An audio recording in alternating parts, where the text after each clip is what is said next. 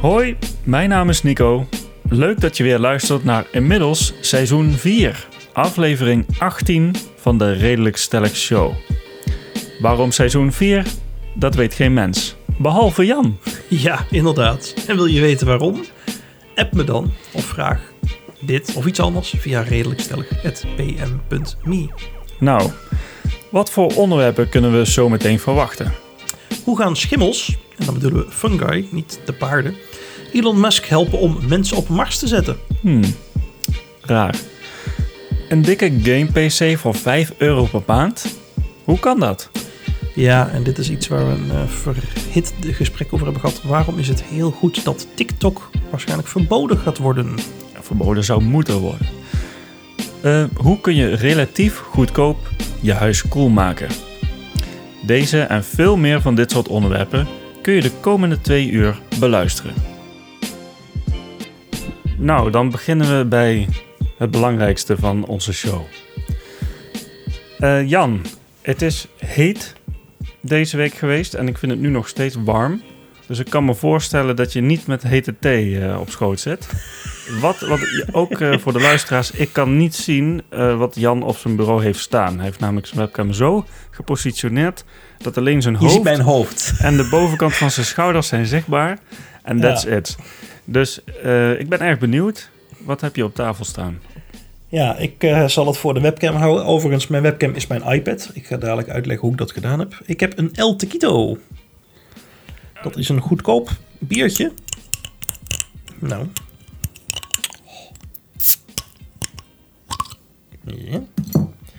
Dat is een goedkoop biertje van de Lidl.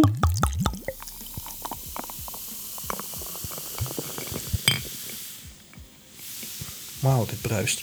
Um, en dit is een biertje met uh, tequila flavor. Dus ze pretenderen niet dat er tequila aan zit. Er zit alleen de smaak van tequila bij. En als ik me goed herinner, heb ik een paar weken geleden hetzelfde biertje ook al eens gehad. Maar ja, don't change the winning team. Hè?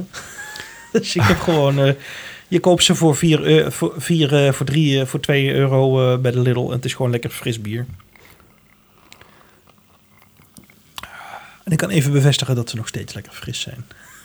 En wat was de naam ook alweer? El Tequito. El Tequito.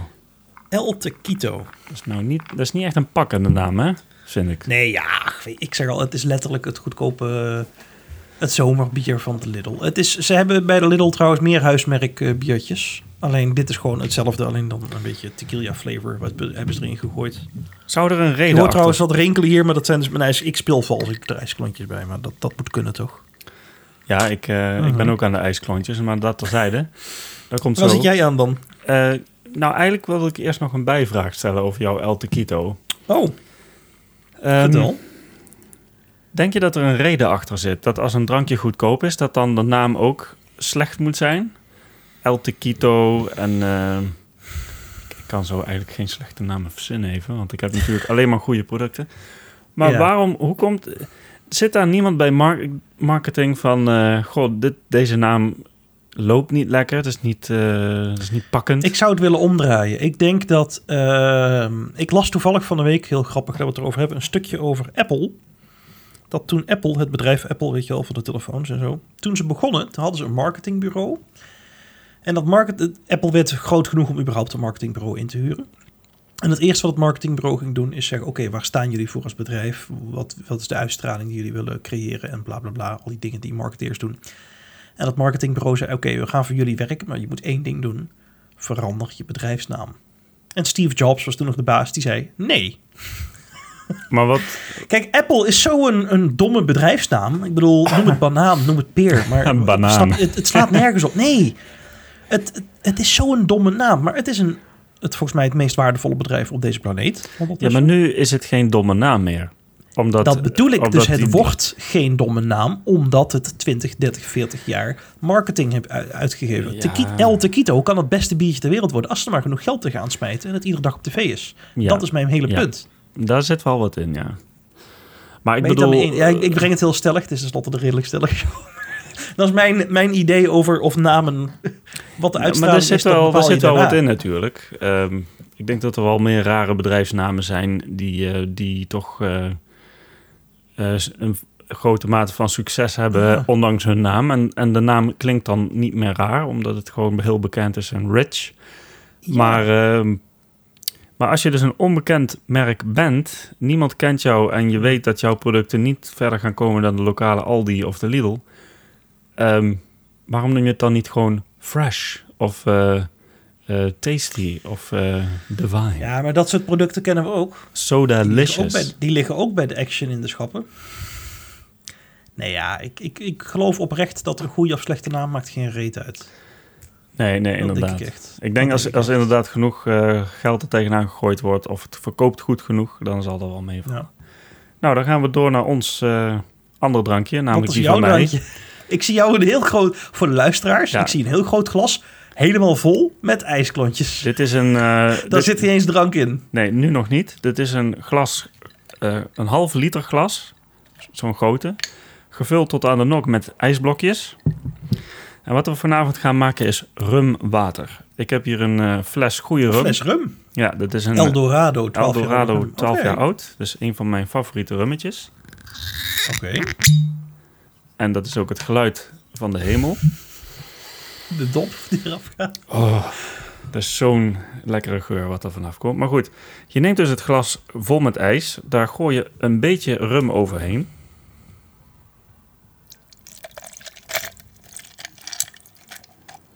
Dus eh, zeg maar gewoon de hoeveelheid rum die je normaal in een klein eh, shotglaasje zou doen. Voor de luisteraars, ik zie er meer rum in gaan dan Nico nu beschrijft. Mijn, eh, mijn glazen zijn doorgaans wat groter. En daarna pak je gewoon eh, de rest vul je aan met water. Als wij dadelijk een heel vrolijk gesprek hebben, lieve luisteraars, dan weten jullie in ieder geval En nu heb ik een groot... vrolijkheid vandaan. Ja, ik bedoel, Prachtig, prachtig. die heb je geen... eh, eh, hoe heet dat? In het Engels heet dat prescription. Daar heb je daar niet voor nodig, hè? Dat kun je gewoon bij... Het is medicinaal. Maar, Ja. het is, ja, ja, ja. Maar dit is echt... Eh, mm. Dit is zo verfrissend. het ziet er ook heel fris uit. Het is Sowieso, gewoon... het glas is nu aangeslagen door die ijsblokjes natuurlijk. Ja, en daarom heb Ja. ik hem ook hier op een washandje staan op mijn bureau. Want anders loopt hier heel alles onder water van het condens. Eh, maar dit, eh, dit werkt goed. Als je zin hebt in rum, waar je wil niet eh, licht in je hoofd worden, niet direct, dan is dit dus eigenlijk ideaal. Is dit een mooie manier? Want eh, door op deze manier het te consumeren, heb je ook hydratatie van het water. En niet alleen van de ijsblokjes. Dus je kunt gewoon wat meer hebben voordat je er last van hebt. Bovendien, het is gewoon... ehm, ik weet niet wat... Maar ik- je, je kunt er een heel klein beetje van gebruiken. Dan heb je wel de smaak, maar niet de bijeffecten. Ik las iets interessants hierover. Het schijnt dat ze in de eeuwen dat ze met zeilschepen over de oceanen ehm, voeren, eh, dat ze toen ook gebruik maakten van rumwater. Oh, Dus ook echt gewoon, ik dacht, ik heb iets nieuws ontdekt, ik word beroemd. Maar dit blijkt al heel oud te zijn. de VOC was jou voor. Ja. Rumwater is, ehm, volgens mij had het iets te maken met bederf. Dat het water dan minder snel zou bederven als er een klein beetje rum... ik heb eh, iets soortgelijks gehoord, maar dan een andere variant. Wat ik begreep was dat men op schepen eh, water meenam. En dat water bederft, hè? Eh, zeker als je het een beetje in hout doet en het is ook niet heel schoon. te Tegenwoordig hebben wij natuurlijk goede, goede verpakkingen, maar dat hadden Ja. ze toen niet. Het zal nog geen Baarle-Duc eh, liter pakken. Ja. Nee, dus je zat eh, twaalf weken op zee en dan had je dus een vat water. Maar ja, na een week, de zon staat erop, dat water gaat eigenlijk bederven. Dus wat deden ze volgens mij? Ik dacht eerlijk gezegd dat ze er wijn, brandewijn, voor die sterke wijn met een hoog alcoholpercentage. Maar is dat niet ook om- een soort rum? Brandewijn is toch ook een soort sterke drank, eigenlijk? Ja, het is wel sterke drank, maar het is geen Nee, maar, Maar volgens, geval, het idee mij, is hetzelfde. Dus je gooit er gewoon sterke drank bij Ja. om het... volgens mij gaat het Eh, gewoon om de alcohol. En dat ja. zorgt ervoor dat niet elke parasiet daar kan fl- floreren en cultiveren. Ja, dat, dat die niet in je buik gaan verder groeien, zeg maar. Ja. Nou, tot zover onze genoegens. Ehm, wat staat hier even? Ik kijk eventjes in de lijst. Eh thee gehad, ligt onder... Oh ja. Jan, hoe warm is het eigenlijk bij jou? Het is nu, voor de luisteraars, het is half tien s'avonds bij mij nu. Terwijl we dit opnemen. Het is bij mij nu 25,5 graad in huis. 25,5 graad. En bij jou? Bij mij is het 27. Dus ik heb gewonnen. Hmm. Maar buiten dat, eh, op welke verdieping eh, zit jij? Ja, ik zit op de bovenste verdieping. Maar niet helemaal waar. Ik heb nog een zoldertje boven mijn huis. Aha. Ik woon op zolder, dus dat zal het verschil eh, maken. Ja. Op mijn zolder is het ook merkbaar warmer als ik op zolder. Ik loop wel eens mijn zolder in. Ja. En dan eh dat is me- merkbaar warmer dan een verdieping lager. Daar En, staat dus ehm, echt het, eh, de zon op te branden. Afgelopen week ehm, was het natuurlijk de hittegolf. Ehm, hoe warm was het toen binnen? Wat was zeg maar jouw piektemperatuur wat je hebt gezien op jouw eh, eh, thermostaat? Als ik me goed herinner, heb ik 31 graden gezien. Dat is wel opvallend, want dat was bij mij ook. En, eh, maar hier is het dan nu nog steeds warmer dan bij jou binnen. Maar, maar goed, misschien. Ik heb niet echt hele grote ramen die ik hier open kan zetten. Ik heb er wel een paar kleintjes. Ja, ik heb een paar grote deuren. En daarachter loopt dan mijn keuken met een gangetje naar mijn woonkamer. En hier, de kamer waar ik nu in zit, heb ook een deur naar mijn balkon. Oh, je hebt een balkon. Ik heb een balkonnetje Maar aan de achterkant. En aan de voorkant heb ik een galerij, maar ook die deur zet ik wel eens open. Dus dan kan het nog een beetje doorwaaien. Ah, ja, dat is dan. Dus dat helpt een beetje. Dat eh, zal wel helpen, ja. Oké, eens kijken. We hebben anekdotes van de week. Ehm, Nico was op vakantie. dat ben ik. Hoe was je vakantie? Want we, voor de luisteraars, wij eh, hebben deze podcast, dit is zeg maar ons contactmomentje. Ja, Dus voor mij is dat ook een oprechte vraag. Hoe was jouw vakantie? Ik heb spannende foto's voorbij zien komen op WhatsApp. ja. N- ja, mijn vakantie eh, was in Spanje, om, in Kalpen om precies te zijn. Het was niet warm genoeg in Nederland. Dus Nee, ik denk ik ga de warmte opzoeken. opzoeken. prachtig. Maar eh, Oké. Nou goed, het verschil is wel, in Spanje had ik eh, een huisje ter beschikking met een groot zwembad eraan. Eh, Ook privé, dus eh dat was eh all mine. Samen met de mensen met wie ik op vakantie ging. En we hadden daar vlakbij hadden we het strand natuurlijk. Dus eh tien minuutjes rijden en dan eh, ben je bij het strand. Ehm, maar goed, wat vond ik leuk aan de vakantie? Dat was ehm, dat ik eh, totaal geen verplichting had en geen afleiding van de huiselijke zaken. Dus eh, als je thuis bent, heb je toch altijd wel iets te doen. En daar heb je Er gewoon. liggen altijd wat sokken die in de wasmachine moeten of zo. ja, of en allemaal dingen. van die. Ja, dan, is, dan heb je weer wat te poetsen en weer wat eh, weg te brengen. En dat is daar niet. Daar heb je gewoon. eh, overigens, voor de luisteraars die denken: waarom noemt hij dit soort rare dingen? Ik ben een jaar of vier, vijf niet op vakantie geweest. Dus dan ga je op een gegeven moment eh, merken van... hé, hey, eh, dit is anders. Jij Dus- bent niet op... Wow, wow, wow. Dit, wacht, wacht, wacht. Hier moeten we niet te snel...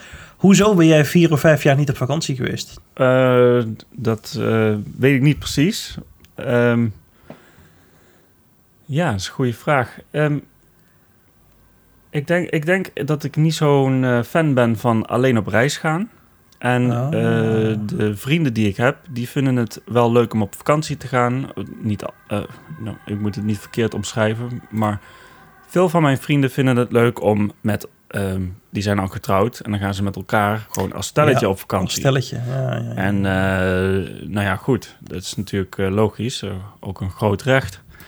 Maar ehm, ja, ik heb, ik heb nooit ja, dan die- moet je maar gewoon naar vertrouwen, Nico. Dan kun je met ze mee voortaan, voortaan weer. Nee, ik ben nu dus met twee gezinnetjes op vakantie geweest.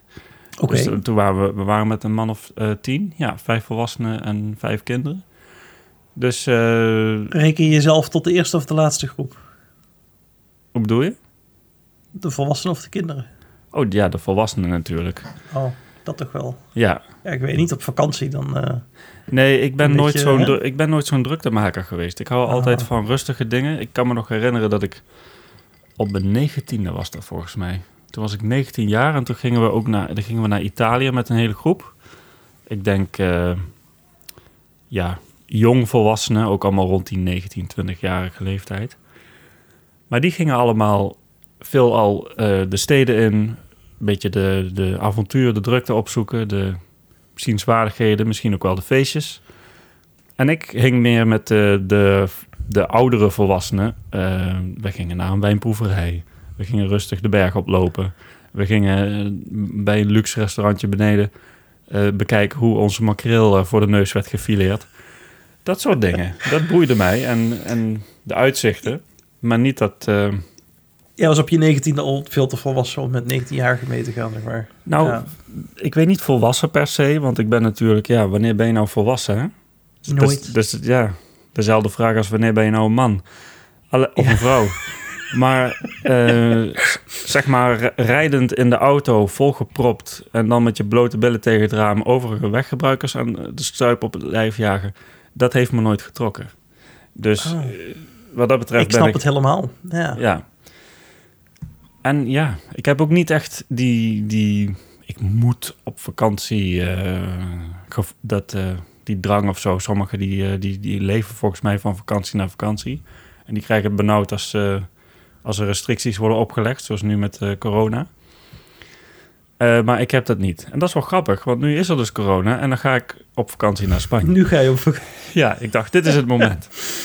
Ja. En eh, we reden over Barcelona heen, waar dus die lockdown eh, is. En er was dus wel zaak om dan van tevoren, voor Barcelona, moesten we echt zorgen dat de tank vol zat. Want we mochten in die regio niet stoppen.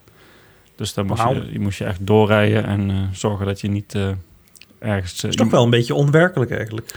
Ja, een beetje wel. Maar aan de andere kant, als je daar eenmaal op vakantie bent. Ja, iedereen heeft wel mondkapjes op. Je moet bij iedere winkel die je binnenloopt, moet je je handen ontsmetten. En er wordt ook op toegezien. Eh, over straat eh, eh, heeft iedereen dus zo'n zo'n medicinaal blauw kapje op. Eh, behalve op het strand. Daar mag je ze afdoen. En als je gaat zitten eten bij een restaurant, dan mag je het ook afdoen.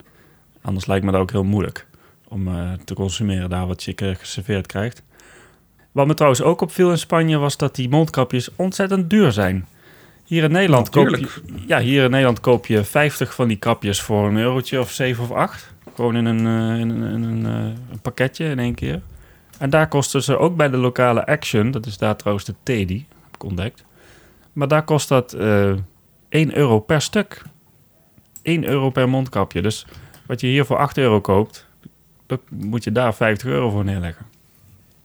Wauw. Dus dat, eh, dat vond ik wel eh, verbazingwekkend duur voor een land die ja, toch niet heel erg rijk is, zeg maar. De bewoners daar zijn ook niet echt heel rijk. Eh, voor de rest, ja, gewoon... ik heb dagen gehad dat ik alleen maar ging slapen en eten. En ik heb dagen gehad dat we gingen zwemmen en winkelen. En, en een beetje aan het strand en dat soort dingen, ja. Eén keer ben ik... vakantie. ja, één keer ben ik om vijf uur opgestaan, eh, s s'morgens, om de zonsopgang te zien. Dat waren die spectaculaire foto's waar jij het over hebt. Oh. Dus zijn we daar een lokale berg opgelopen. Ik met een, eh, met een vriend die eh, erbij was. En toen hebben we daar de stoel neergezet en gewacht totdat de zon opkwam boven op de berg. Dat was wel mooi. Ja, heel vroeg opstaan op vakantie, dat zou ik nog weer echt niet doen. Nee, ik zou het normaal ook niet doen, maar hij wilde dat doen en ik dacht, ja, ik ga mee. Ja. Ik had daar ook nog wat dingen te doen Mhm. boven op die berg, dus... eh, ja. Ik wilde nog een filmpje schieten, dus ik denk ik ga maar gewoon mee. En wat ik wel grappig vond, we waren dus bezig. Hij wou een eh, timelapse maken van de zonsopgang met zijn telefoon. Daar had hij zo'n mooie app voor. En eh, Oh. toen hadden we dus bekeken dat de zon in het, wat is het, oosten komt die op. Eh, dus ik had, ik, ik had mijn kompas eh, van de iPhone gebruikt om te kijken waar het oosten is. En daar hadden we precies die camera op gericht.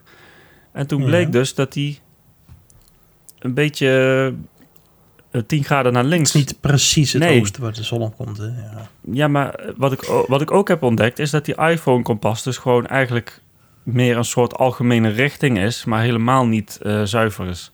Nee? Ik heb, nee, Oh. ik heb dat thuis nog eens nagekeken. Wat je dan moet doen, is je opent de kompas-app op je iPhone. Ja. Dan zet je de, de, de platte kant, de kop van je telefoon, of eigenlijk elke zijde, maakt niet uit. Gewoon een van die rechterzijden die, eh, die je telefoon heeft, die zet je tegen de muur, zodat het precies... Jij bedoelt nu de waterpas. Ja, je gebruikt je telefoon even als waterpas. Ja. Zet je hem tegen de muur aan en dan lees je Ja. af wat je kompas zegt. Precies op de graden ga je dat, dat doen.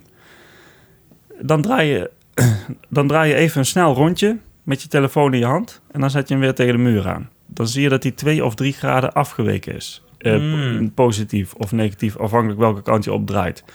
Doe je dat weer, doe je dat weer, doe je dat weer, doe je dat weer... dan kom je eigenlijk uiteindelijk op 10 graden verschil, 15 graden verschil. Die, die, hij loopt gewoon steeds verder op. Hoe meer rondjes je draait, dan komt er iedere keer drie of, twee of drie graden eh, afwijking bij. En dat zou een echte kompas niet doen. Nee. Dus er is iets in die, eh, in die, eh, in die sensor die dat, eh, waardoor ze die kompas kunnen. Ja, ik heb wel eens ontdekt ook bij mijn... eh, ik heb ook een iPhone dan, dat als ik hem schud en ik doe opnieuw naar de kompas kijken, dat die dan ineens wel weer klopt. Dus het is net als een fysieke kompas, dat het wijzertje een beetje vast zit of zo. En dan draai je er een keer flink aan, dan schud je hem en dan Ja, maar ik heb ook een echte kompas.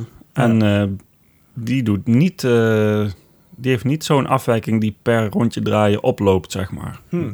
Dus Je hebt een bug ontdekt. ik heb een bug ontdekt en ik eh, verwacht daar enkele De bug bounty, hè? Je kunt er geld Ja, voor krijgen. je- bug bounty. Precies. Ja, nou ja, ik was dus ook op vakantie. Dus onze luisteraars, eh, het was trouwens wel grappig. Ik kreeg hele lieve berichtjes van allerlei mensen die vroegen van... hey, jullie zijn toch niet gestopt met de, de Redelijk Stellig show, hè?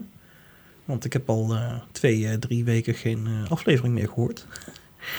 Nee, ik was dus ook gewoon op vakantie. Dus vandaar dat we echt een zomerstop hadden. Ik was in La Roche, dat is vlak over de grens. Als je de Belgische Ardennen inrijdt. Dus vanaf waar ik woon, dat twee uur rijden. Ik had een, eh, een terreinwagen geleend van een vriendin. heb En, jij een eh, vriend- ja, vriendin met een terreinwagen? ja, dat is lang. Ik had ooit een terreinwagen en nu heeft zij hem. Oh, Maar ik mag hem nog wel eens lenen van haar. Dus dan zit ik in een oude zo. auto. ja, ja, ja. ik ken helemaal geen vrouwen die een terreinwagen hebben. Maar... Nee, maar het is ook geen girly. Het is een grote auto met zo'n wildtrekker op, weet je wel. Dus je kunt mensen van de weg af eh, rijden, zeg maar. Zonder dat je auto bedeukt, zeg maar. Meestal rijden ze dan in zo'n Fiat 500 of zo, hè? Ja, ik had misschien mijn iGo moeten weggeven en niet mijn stoere terreinwagen. Bedacht ik... Dus jij rijdt nou in een. Ico en zij rijdt in een terreinwagen. Nee, ik, ik had dus ooit een terreinwagen erbij. Als weekendauto, zeg maar. Oh, ja. En ja, dat ding kost 700 euro per jaar en hij staat vooral stil of, of ik leen hem uit aan mensen. En ja, om in het weekend een keer te rijden, dat is leuk. Maar ja, om, is dat 700 euro per jaar leuk? Nee.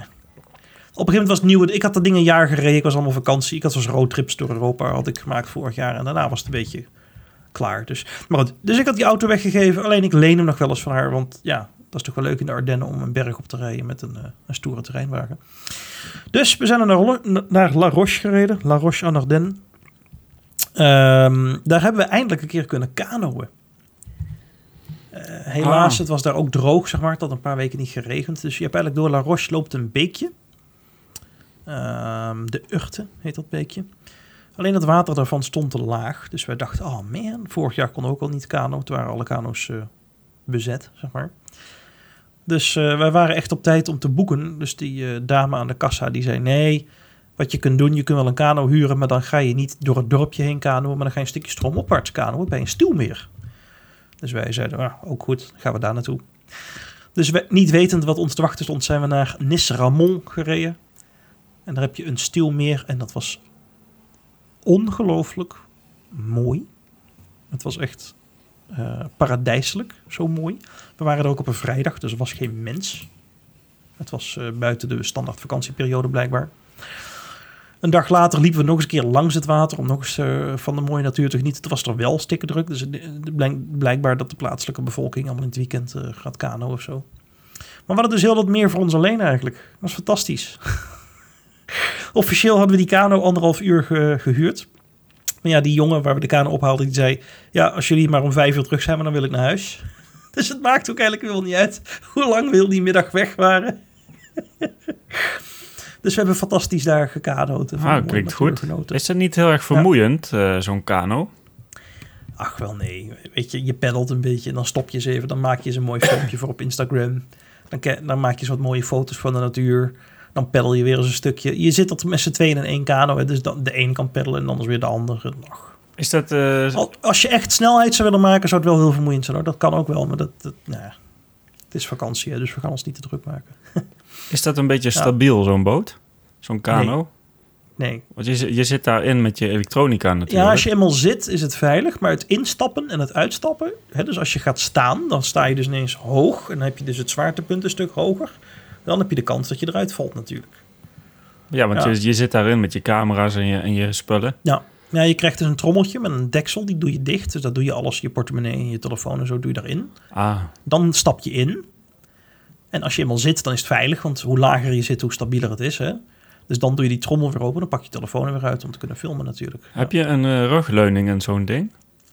Gelukkig wel. Ik heb zelf ook een opblaasbare kano. Die heb ik hier eh, in, de, in de single van Breda uitgeprobeerd. Maar dan krijg je dus na een kwartier gruwelijke rugpijn. Ja, want je moet... Maar dit is gewoon professioneel met een, hout, met een ijzeren, eh, niet ijzer, met een plastic stoeltje. En je hebt gewoon goede rug. Je kunt de hele middag, je voelt niks. Je, je kunt de hele middag eh, door. Ja, ja, ja, Ja. Dat is wel fijn. Ja. Ja. Heerlijk. Oké. Heb je dat één dag gedaan? Terwijl ik in België was, en dan hebben we het over mondkapjes gehad net, dat ben ik een mooi verhaal. Terwijl wij in België waren, wij lopen op, eh, op dag drie of zo het restaurant in. En toen zegt de restauranthouder, bij het eh, hotel was een restaurantje voor het ontbijt, weet je wel. Die zegt, ja, vanaf vandaag is het weer verplicht mondkapjes te dragen. Dus wij zeggen, ja, sorry, maar we hebben er geen mondkapje bij. Nou, vooruit, dan mag je er nu nog in, maar morgen moet je een mondkapje hebben. Dus wat heb ik gedaan, diezelfde middag nog? Ik heb een Chemach gekocht. Oh, is dat zo'n koffie, ja? Ik weet niet wat een koffie... een Chemach, dat is zo'n groot... Heb je wel eens van die Arabieren gezien die Ja. zo'n theedoek op hun hoofd hebben? Ja, dat is een koffie, ja. Dat is een, eh, zo'n eh, militaire woestijnsjaal. Ja, inderdaad. Maar de grap van dat ding is dus, die kun je dus om je hoofd wikkelen en dan zie je eruit als een Taliban. Maar je kan ook dat ding voor je mond wikkelen en dan zie je eruit als iemand die de bank gaat overvallen. Of in dit geval als iemand die gewoon binnen mag, want ja, je hebt een mondkapje op. Er komt een man met een Ja. baard en een terroristensjaal uit een eh, grote terreinwagen. Hij heeft ook nog een woeste blik. Met een woeste blik vraagt hij hoe Geen lang die, wonder die, dat mensen mij altijd met rust laten. Ja, ja, gaat hij ja, vragen ja, hoe lang die prachtig. die eh, boot mag hebben. Ja, Ja, ja, nee, heel de ja. middag. Ja, heel de middag. Blijf maar weg. Ik had dat ding inderdaad ook op toen ik die boot eh, ging halen, bedenk ik me. Ja. Dus ja, klopt ook ja. nog. Ja, Ik zie hoe de context nu in elkaar zit. ja, ja, ja, ja. ja. Oké, nou. Ehm, dat eh, was dan onze vakantieervaring tot nu toe. Ehm, eh, van de week las ik een artikel. ehm, maar is dat deze pitch? Even kijken. Jan, wist je dat spam bij ACM kunt melden? Oh, dit is iets anders. Jan, wist je dat je spam bij de ACM kunt melden? Ah, jij wil nog een beetje vakantiestemming, of niet? Ik heb mij eh, goed voorbereid, tussen haakjes. ik zie het. Lieve luisteraars, ik heb een leuk verhaal. Ehm, ik krijg spammail van een webshop. En ik was het zo beu vandaag. Ik heb ze 25 keer eh geappt, eh, gevraagd om mij van een spamlijst te halen. Dat gebeurt maar niet. Dus ik denk, weet je wat? Bij de ACM kun je spam melden. Ik zal ook in de show notes de, de linkje zetten. Kun je het zelf eens bekijken. Het is een Nederlandse webshop. Dus ik denk, ik ga dat gewoon melden. Vervolgens krijg ik een mailtje van de ACM met bedankt voor uw melding. Klik hier om, eh, dan weten we zeker dat u het was. Maar waar vond ik dat mailtje? Drie keer raden. In mijn spambox. Waarom? Omdat de ACM blijkbaar zelf een servercertificaat eh, ook niet goed hebben staan. Dat is wel Dus dan grappig. lijkt het een... eh, ja, dat is... ik zag een poëtische gerechtigheid in... eh Dat is, een, dat is een beetje als de Belastingdienst die zijn, eh zijn administratie belasting niet betaald. niet- ja, zoiets zou het zoiets. zijn. Ja, ja, ja, ja, ja. Dus dat vond ik gewoon grappig. Uiteindelijk heb ik dat mailtje dus in mijn spambox gevonden en op oké geklikt. En nu heb ik dus officieel een spammelding gedaan. En als, ze dat- En, als eh, iedereen dat genoeg doet, dan gaan ze er iets eh, mee doen. Dan gaan ze er werk van maken. Ja. Was het een bekende firma die jou eh, deed spammen? Ondanks Daisy All. Daisy All. Is dat niet die site voor Barbiepoppen? Nee, dit is de site voor dameskleding van dames boven de 50 en ook boven de 50 kilo. Ah, Ja, en dan vraag je je misschien af, Jan, hoe kom je aan zo'n webshop? ik durfde het niet te vragen. Wat fijn dat je dat niet durft. Nee, ja, ik had voor mijn moeder iets kunnen kopen of zo. Maar nee, dit is een mooi verhaal. Er zijn een paar naamgenoten. En eh, kijk, mijn e-mailadres eh, lijkt op hun e-mailadres. Dus ze hebben gewoon ooit mijn e-mailadres ingevuld. En ook, sterker gezegd, ik kreeg ook gewoon... Uw jurkjes zijn besteld. Klik hier om te betalen. Dus ik heb maar... Er stond het telefoonnummer van die lieve mensen bij. Dus ik heb ze gebeld. Ik zeg, ja, ik krijg een mail die voor jullie bedoeld. Dus ik zal hem doorsturen als jullie je goede e-mailadres opgeven. Dus die, die lieve mensen hebben dus dat... Die krijg, ik ben dus een soort postman geworden. Want ik krijg dus iedere keer van Carna of zoiets, Clara... van die u moet nog betalen herinneringsmailtjes. Maar die krijg ik dus. Dus die stuur ik maar iedere keer door naar hun. En dan hoop ik dat ze er iets mee Kun je doen. niet maar- gewoon dat bedrijf terugmailen van... luister eens, ik ben een man met een baard. Dus het is niet voor mij. Ehm, ik heb meerdere keren contact gezocht, zowel met Clara Klarna, Klarna als met Daisy al, als met Vera Moda, waar ik ondertussen ook op een spamlijst sta. Ik, ik, ik kom er niet eh, doorheen. Ik heb uiteindelijk met Klarna nog zitten chatten met iemand en die zei, ja, maar u mag dat helemaal niet aanvragen. Die mensen voor wie het bedoeld had, was, moeten dat aanvragen. Dus ik zeg, nou lekker dan. Jullie eh, lopen mij te spammen en eh, dit is niet voor mij bedoeld. Dus eh, ja, fix je systeem. Het is één grote puinhoop. Nou. Dat, ja, daar komt het op neer. Maar wel heel grappig, heb ik iets te vertellen. Hè? Ja, nee, inderdaad. Ik heb ook iets te vertellen. Een tijdje Vertel. geleden vertelde ik op de podcast iets over mijn airco die veel te duur Hmm. is om te laten draaien. Daar ben ik benieuwd naar. Hoe, hoe is dat afgelopen? Nou, dat is nog niet afgelopen, want Oh, ehm, die airco die, eh, die staat hier dus nog steeds onder een eh, soort eh, doek. eh, omdat ik hem maar één dag gebruikt heb. Hij was veel te, wat, te duur, heb wat je ik al zei. gekocht? Ik had toch in januari had ik een airco gekocht. Eh, oh, dat was ik al helemaal vergeten. ja. Ik dacht dat je er een wilde gaan kopen. Oké, oké. Nee, ik, had, hebt ik had er een gekocht ja. en hij was, hij bleek achteraf, want mijn aanname was als ik een hele zware airco koop, dat was dan wel een, wel een zware mobiele airco, maar ja, ik woon particuliere huur, dus ik ga hier niet een split unit door de muur heen zagen. Maar die, eh, dit is een 18.000 BTU mobiele airco, dus een van de zwaarste of de zwaarste die je kan krijgen. Dus ik dacht, nou, lekker zwaar, 5,2 kilowatt, dus dan draait hij een paar uurtjes en dan is het hier cool. En dat kost dan wel wat, maar dan dat is nog te doen. Maar in de praktijk bleek dat ik hem gewoon 24 uur moest laten draaien. En dan steeg de temperatuur overdag nog, omdat mijn kamer... eh, ja, die- Ja. het- ik heb een superhoog plafond en een trappengat naar beneden. Dus dat is gewoon helemaal niet praktisch. Het is gewoon... Je hebt een gigantische ruimte die je moet een toch, ja, op waar de zon op papier, staat. op papier heb ik 60 vierkante meter, maar er zit gewoon heel veel lucht eh, zit erin. Hoge plafond en dus die gaat naar beneden toe. Dus dit is gewoon niet... eh, om dit hier cool te krijgen moet je gewoon een absurd grote split unit hebben. Dus eh, dat, dat betekende dat ik dus 28 euro per dag zou betalen om die airco te laten draaien, die hem dan ook nog niet eens fatsoenlijk koelt, de, de ruimte. Dus ik denk, aan de kant met dat ding. Ehm, ik probeer nu om, eh, om om te ruilen, of een nieuwe te krijgen of geld terug te krijgen. Want hij, hij heeft ook een rammelende plaat aan de voorzijde.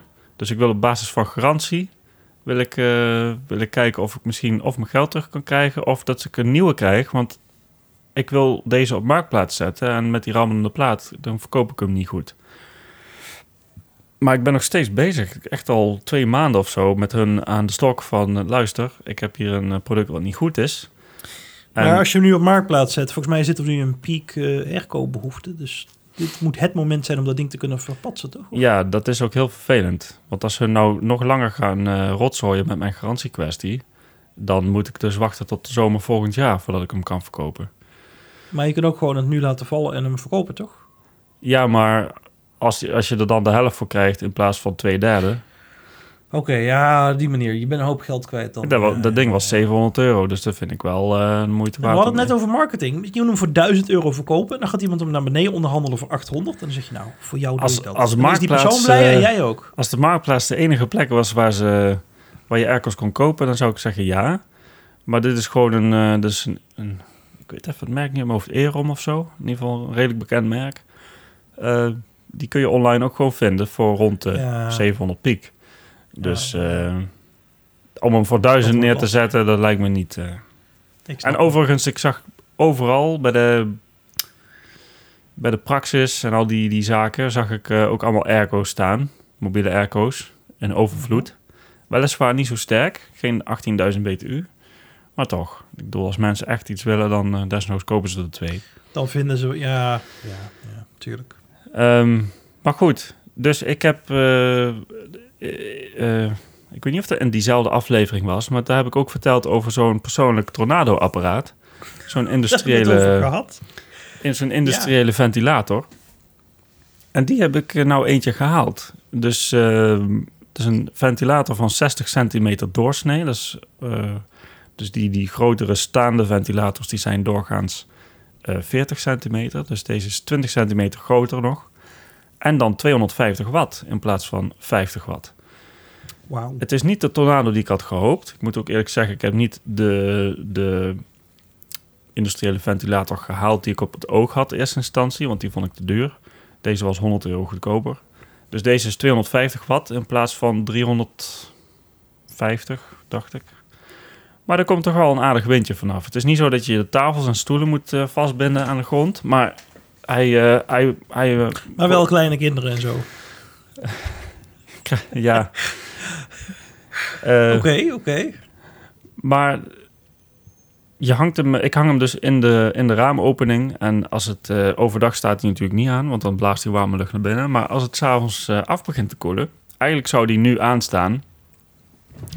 Maar vanwege ja, de podcast, podcast uh, ja, ja, hij maakt natuurlijk wel wat geluid. Maar dan, ja goed, buiten is het s'nachts 10 graden koeler doorgaans. Dus met die hittegolf was het s s'nachts 20 graden en overdag ja, iets boven de 20 was het. En overdag natuurlijk ver boven de 30.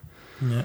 Dus dan blaast hij toch die 10 graden koelere lucht naar binnen. En dat werkt, uh, werkt beter dan ik had verwacht. Want als ik dan voordat ik ga slapen rond een uur of 11, 12... met mijn blote bats even voor dat ding ga staan... dan, dan krijg je het gewoon koud, letterlijk. Omdat er gewoon koude lucht... Uh... ik ben heel visueel ingesteld. nou ja, ik, ik neem aan dat je met dit weer niet je pyjama aandoet, zeg maar. Nee, nee, nee, nee, nee. En je slaapmuts. ja, ja, ja, ik snap hem. Maar goed, dus uh, ik ben Dat werkte dus best wel aardig. En dat voor, uh, en dat voor goedkoper een, dan een airco. Een fractie van de prijs. En oh. ook qua verbruikerskosten. Uh, ik ik draai hem op standje 1 van de 3. Dan zal die toch wel rond tot de 200 watt verbruiken dan. Maar, maar ja, een experiment afspreken? Ik wil graag volgende week het resultaat horen dan. Als je nou drie liter flessen water in de diepvries legt... Ja, dat werkt. En je hangt daarna die flessen water voor of achter dat ding... En je laat hem dan blazen. Wat blaas je dan, koelt het extra de kamer in of ja, absoluut. Dat werkt. Dat is ook ah. al uh, grondig bewezen. Alleen het probleem is, die uh, flessen water, die, die, zijn op, die gaan vrij snel ontdooien, omdat er een hoge windsnelheid uh, passeert. Dus die voert heel snel de warmte af, of de, de kou eigenlijk. Dus je kamer wordt koeler, maar, maar het, het is beter geschikt Het water wordt warm. Het is beter geschikt voor persoonlijke koeling bij een trage ventilator dan bij zo'n industriële ventilator. Want dat is een klein puffje kou wat je in een grote ruimte, een groot volume uh, gaat blazen. Dat ding koelt of warmt heel snel op. Dus je hebt heel snel geen bevroren flessen meer. En je kamer heeft maar een fractie van een, van een koelere zucht gehad. Naar verhouding van het volume wat je moet afkoelen. Dus dat zou ik meer doen als je eh, overdag aan je bureau moet werken. Dan hangt dan zo'n fles voor een normale ventilator en dan heb je wat langer koelere lucht. Oké. Ja. Nou, dan hoeven we dat niet als experiment. Dan hoeven we dat niet als experiment uh, te doen. Nee. Oké. Jij wilde iets vertellen over een creditcard. ik luister dus andere podcasts. ik ben even vergeten of het nou de podcast over media of de Rudy en Freddy show was. Maar in ieder geval, dat was een podcast waar wat jongens vertelden ze hadden een mooie aanbieding gezien. Je kunt de New York Times vier weken lezen voor 4 dollar. En ze hadden zich opgegeven voor de New York Times, vier weken voor 4 dollar. En na die vier weken dachten ze, nou, dat is mooi geweest. Wat blijkt nou, als je je abonnement wil opzeggen bij de New York Times. Vroeger kon je naar internet, dan kon je naar mijn New York Times. En dan kon je klik op afmelden en dan was je er vanaf. Of je stuurde een e-mail van ik hoef het niet meer. Dan, dan stopt het. Maar nu kan dat niet meer. Dat hebben ze expres gedaan, want heel veel mensen liepen weg. Ja, maar dat is je toch moet ook... nu naar een nummer bellen. Een Amerikaans nummer. Dus ik zag al een gruwelijke telefoonrekening binnenkomen in mijn geestesoog. Ik denk, ja, dat gaat mij niet gebeuren. Toevallig dat ik mijn abonnement had afgesloten via mijn Bunk creditcard. Ik heb al vaker Bunk genoemd in deze podcast als gratis tip. Ik noem hem weer maar eens een keer. Je hebt aandelen dus bij de Bunk? Virtu ik heb geen aandelen van deze bank. Nee. Oh. Nee, nee, nee. Um, disclosure, ik word niet gesponsord door ze. Dus nee, ik heb echt geen belang hierbij. Ik vind gewoon even... Je kunt dus een virtuele creditcard aanmaken. Dus je krijgt niet een fysiek stukje plastic op de post. Nee, het is alleen maar een cijfer op je scherm. Een Visa of een Mastercard. Ik geloof een Mastercard, uh, Mastercard nummer. Maar nou komt het, die creditcard kun je koppelen aan een rekening. En je kunt ook gratis rekeningen aanmaken. Dus je kunt een lege rekening aanmaken. Daar je creditcard aan koppelen. Dan wachten tot die uh, zoveel dollar wordt afgeschreven van de New York Times. Dan bounce hij, want hij heeft 0 euro, je kunt niet in het rood staan. Dus hij zegt, ja, ik kan niks afschrijven. Dan krijg je dus een paar mailtjes van de New York Times van we gaan het nog eens een keer proberen morgen, want we hebben nu geen krediet. En na een paar dagen zeggen ze, ja, als we nou nog geen geld op die rekening zien staan, dan zeggen we je abonnement op. Win. Victorie! Ja. Ik ben er vanaf!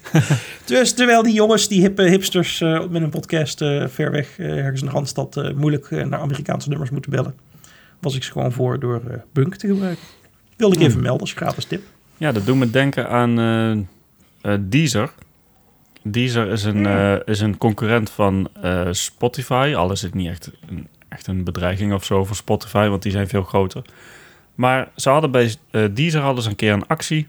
Dan kon je voor 1 euro, kon jij 1, 2 of 3 maanden of zo, ik weet het niet meer, kon je gratis, of ja, dan kon je luisteren voor die 1 euro. En daarna zat je dan eraan vast natuurlijk met een maandelijks abonnement van een tientje. Mhm. Dus ik heb dat gedaan. En toen bleek, eh, toen ik het wilde annuleren, want ik wilde hem annuleren voordat het abonnement van 10 euro inging. eh, toen bleek dat dat niet kon. Je kon hem alleen pas eh, annuleren nadat je een gewoon normaal abonnement had. En niet, dus met een proefabonnement kon je niks annuleren, dat ging gewoon door. Dus ik zag ook... Eh, ja, ja, dat was heel raar. Ik kon, Bijzonder. Ja, op de site kon je dat niet doen. En op een gegeven moment werd er dus gewoon 10 euro van je rekening afgeschreven. Terwijl je, de- en dat, dat kan volgens mij, officieel mag dat niet op deze manier. Maar goed, Nee. bij de bank kun je, als je een, te maken hebt met een automatische afschrijving, kun je dat terug laten boeken. Eh, dus dat heb ik gedaan. Ik heb dat tientje heb ik teruggeboekt naar, mijn, naar mezelf. En, ehm, en eh, als reactie zeggen hun, nou, dan is je abonnement bij deze opgezegd. Nou, prima. Yay, Ja. victorie!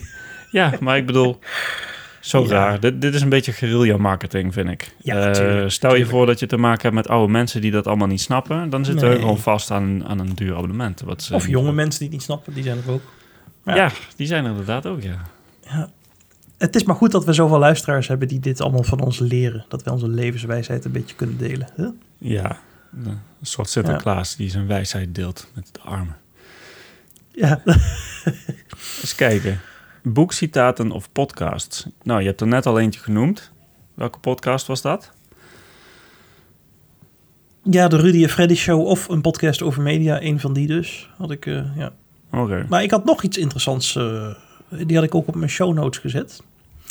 Dat was van eh, Café Weltschmerz. Volgens mij hebben die ook al vaker genoemd. Dus onze luisteraars zijn weer Ja. heel blij met alle gratis tips. Er staan wel interessante dingen op die café wel smerts. Ik Ja. luister het ook af en toe.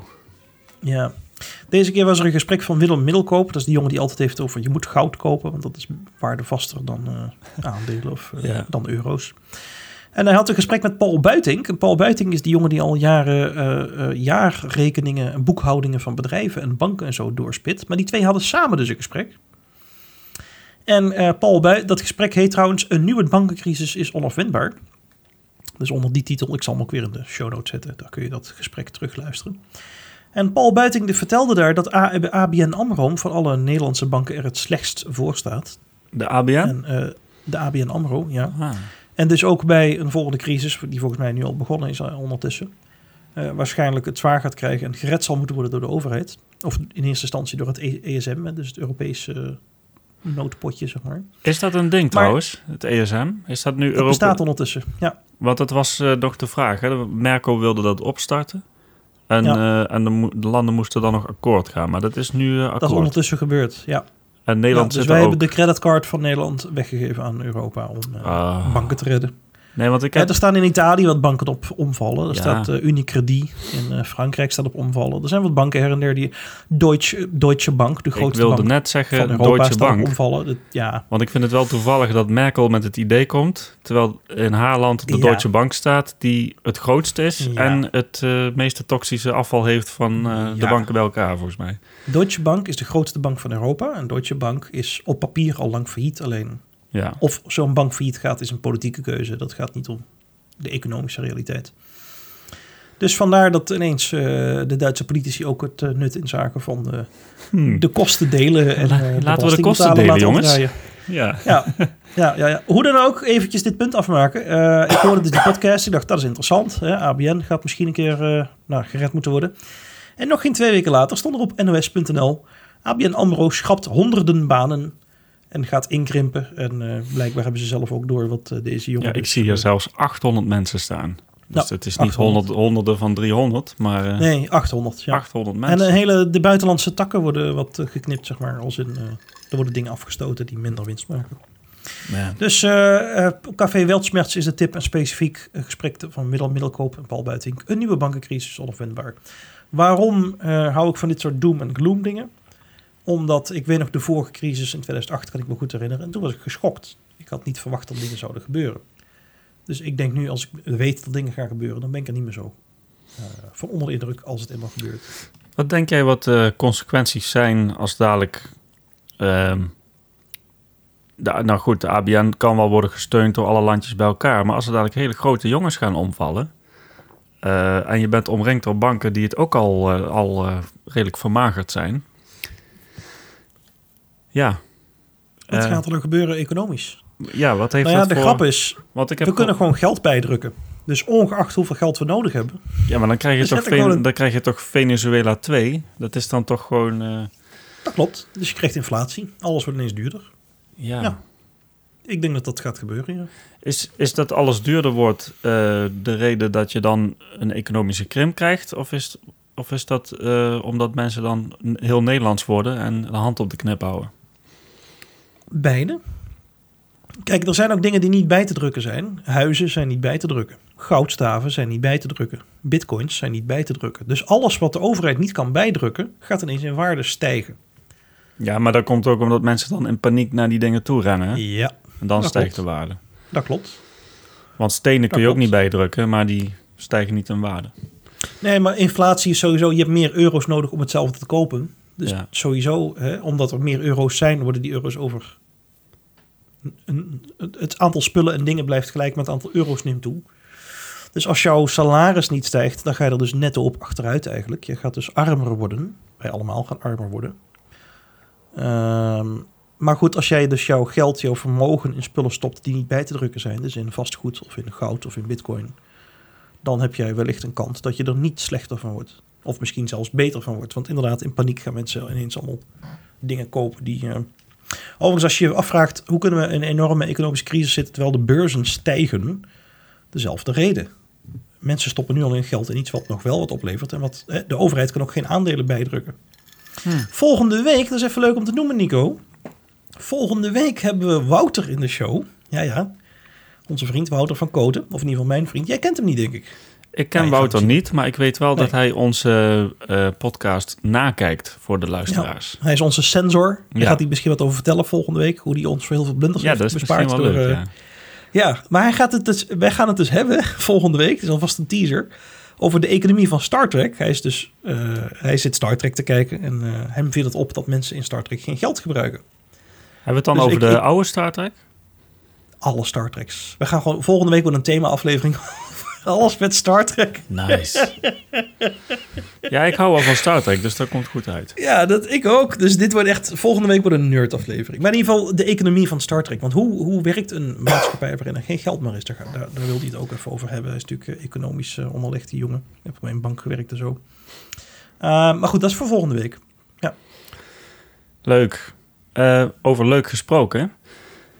We hebben ehm, wat lichtere onderwerpen die, uh, die uh, voor het vermaak zijn. Ik zie hier dat jij, je bent, dat wisten we al, hè? je had jezelf aangemeld bij Shadow Tech. Dat is, uh, ja. dat is een online clouddienst waar je dus niet alleen kan gamen, maar ook gewoon eigenlijk een hele PC hebt in de cloud, die met, een, met redelijk goede specs.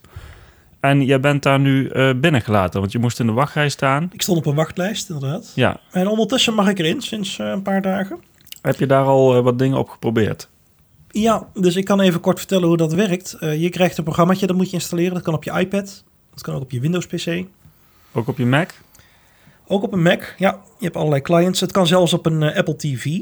Dus je hoeft niet eens een, TV, een PC te hebben om het te gebruiken. Maar kun je dan een muis en toetsenbord gebruiken op je Apple TV? Schijnbaar wel. Maar ik heb, dat, ik heb geen Apple TV, dus dat heb ik niet kunnen testen. Maar in ieder geval, vanaf mijn PC maak ik dus verbinding met een PC in de cloud, zoals het zo mooi heet. En een cloud is natuurlijk een eufemisme voor dat er ergens anders een PC in een datacentrum staat. Alleen die PC is dus heel beefy. Er zit een goede Intel Xeon, een snelle processor in. En uh, een goede grafische kaart. Een uh, GeForce, weet ik het wat, met 8 gig uh, speciaal uh, videogeheugen. Dus mijn idee was, ik wil een goede PC hebben om stoere spellen op te kunnen spelen. Die grafisch veel trekken. En het beeld wordt naar jou gestreamd. Dus ik kan zeg maar op mijn scherm zie ik wat ik eigenlijk op die cloud PC zou zien. Zo werkt het. Maar weet je, ik heb zo'n code, dus het kost mij een tientje nu deze maand. Ehm, ik heb er wat over na zitten denken van, is het mij nou 10 euro waard om zo'n PC te hebben? Want, ehm, ja, hoe moet ik het zeggen? Stel dat ik tweederhands een goede videokaart op Marktplaats koop. Laten we zeggen dat ik er 100 euro tegenaan gooi. En ik stop die goede videokaart in mijn gewone PC die ik nu heb. Dan is mijn PC een gaming PC. En dan hoef ik dus niet meer 10 of 15 euro per maand voor Shadow te betalen. Want of ik nou mijn Windows 10 PC in de cloud heb hangen of gewoon op mijn bureau heb staan. Ja, je stopt er een keer 100 euro in. En het is een gaming PC. Dus het idee is heel leuk. Overigens, omdat Shadow natuurlijk in een datacentrum hangt, die PC heeft dus ook een gruwelijke internetverbinding van een gigabyte, uh, sorry, een gigabit downloadsnelheid. Dus als je een keer iets wil downloaden wat gruwelijk groot is, dan heb je het in een paar seconden binnen op die PC. Ehm, maar goed, ja, heb je er wat aan. Het is grappig om het gezien te hebben, maar... Nou, ik, ik, denk, dat het, ja. uh, ik denk dat ShadowTech eigenlijk nuttiger is voor uh, content creators die een beefy systeem nodig hebben. Ja, want, kijk, als je duizenden euro's zou moeten uitgeven aan een desktop, dan ja, dat klopt. Dan, want dit is uh, ja.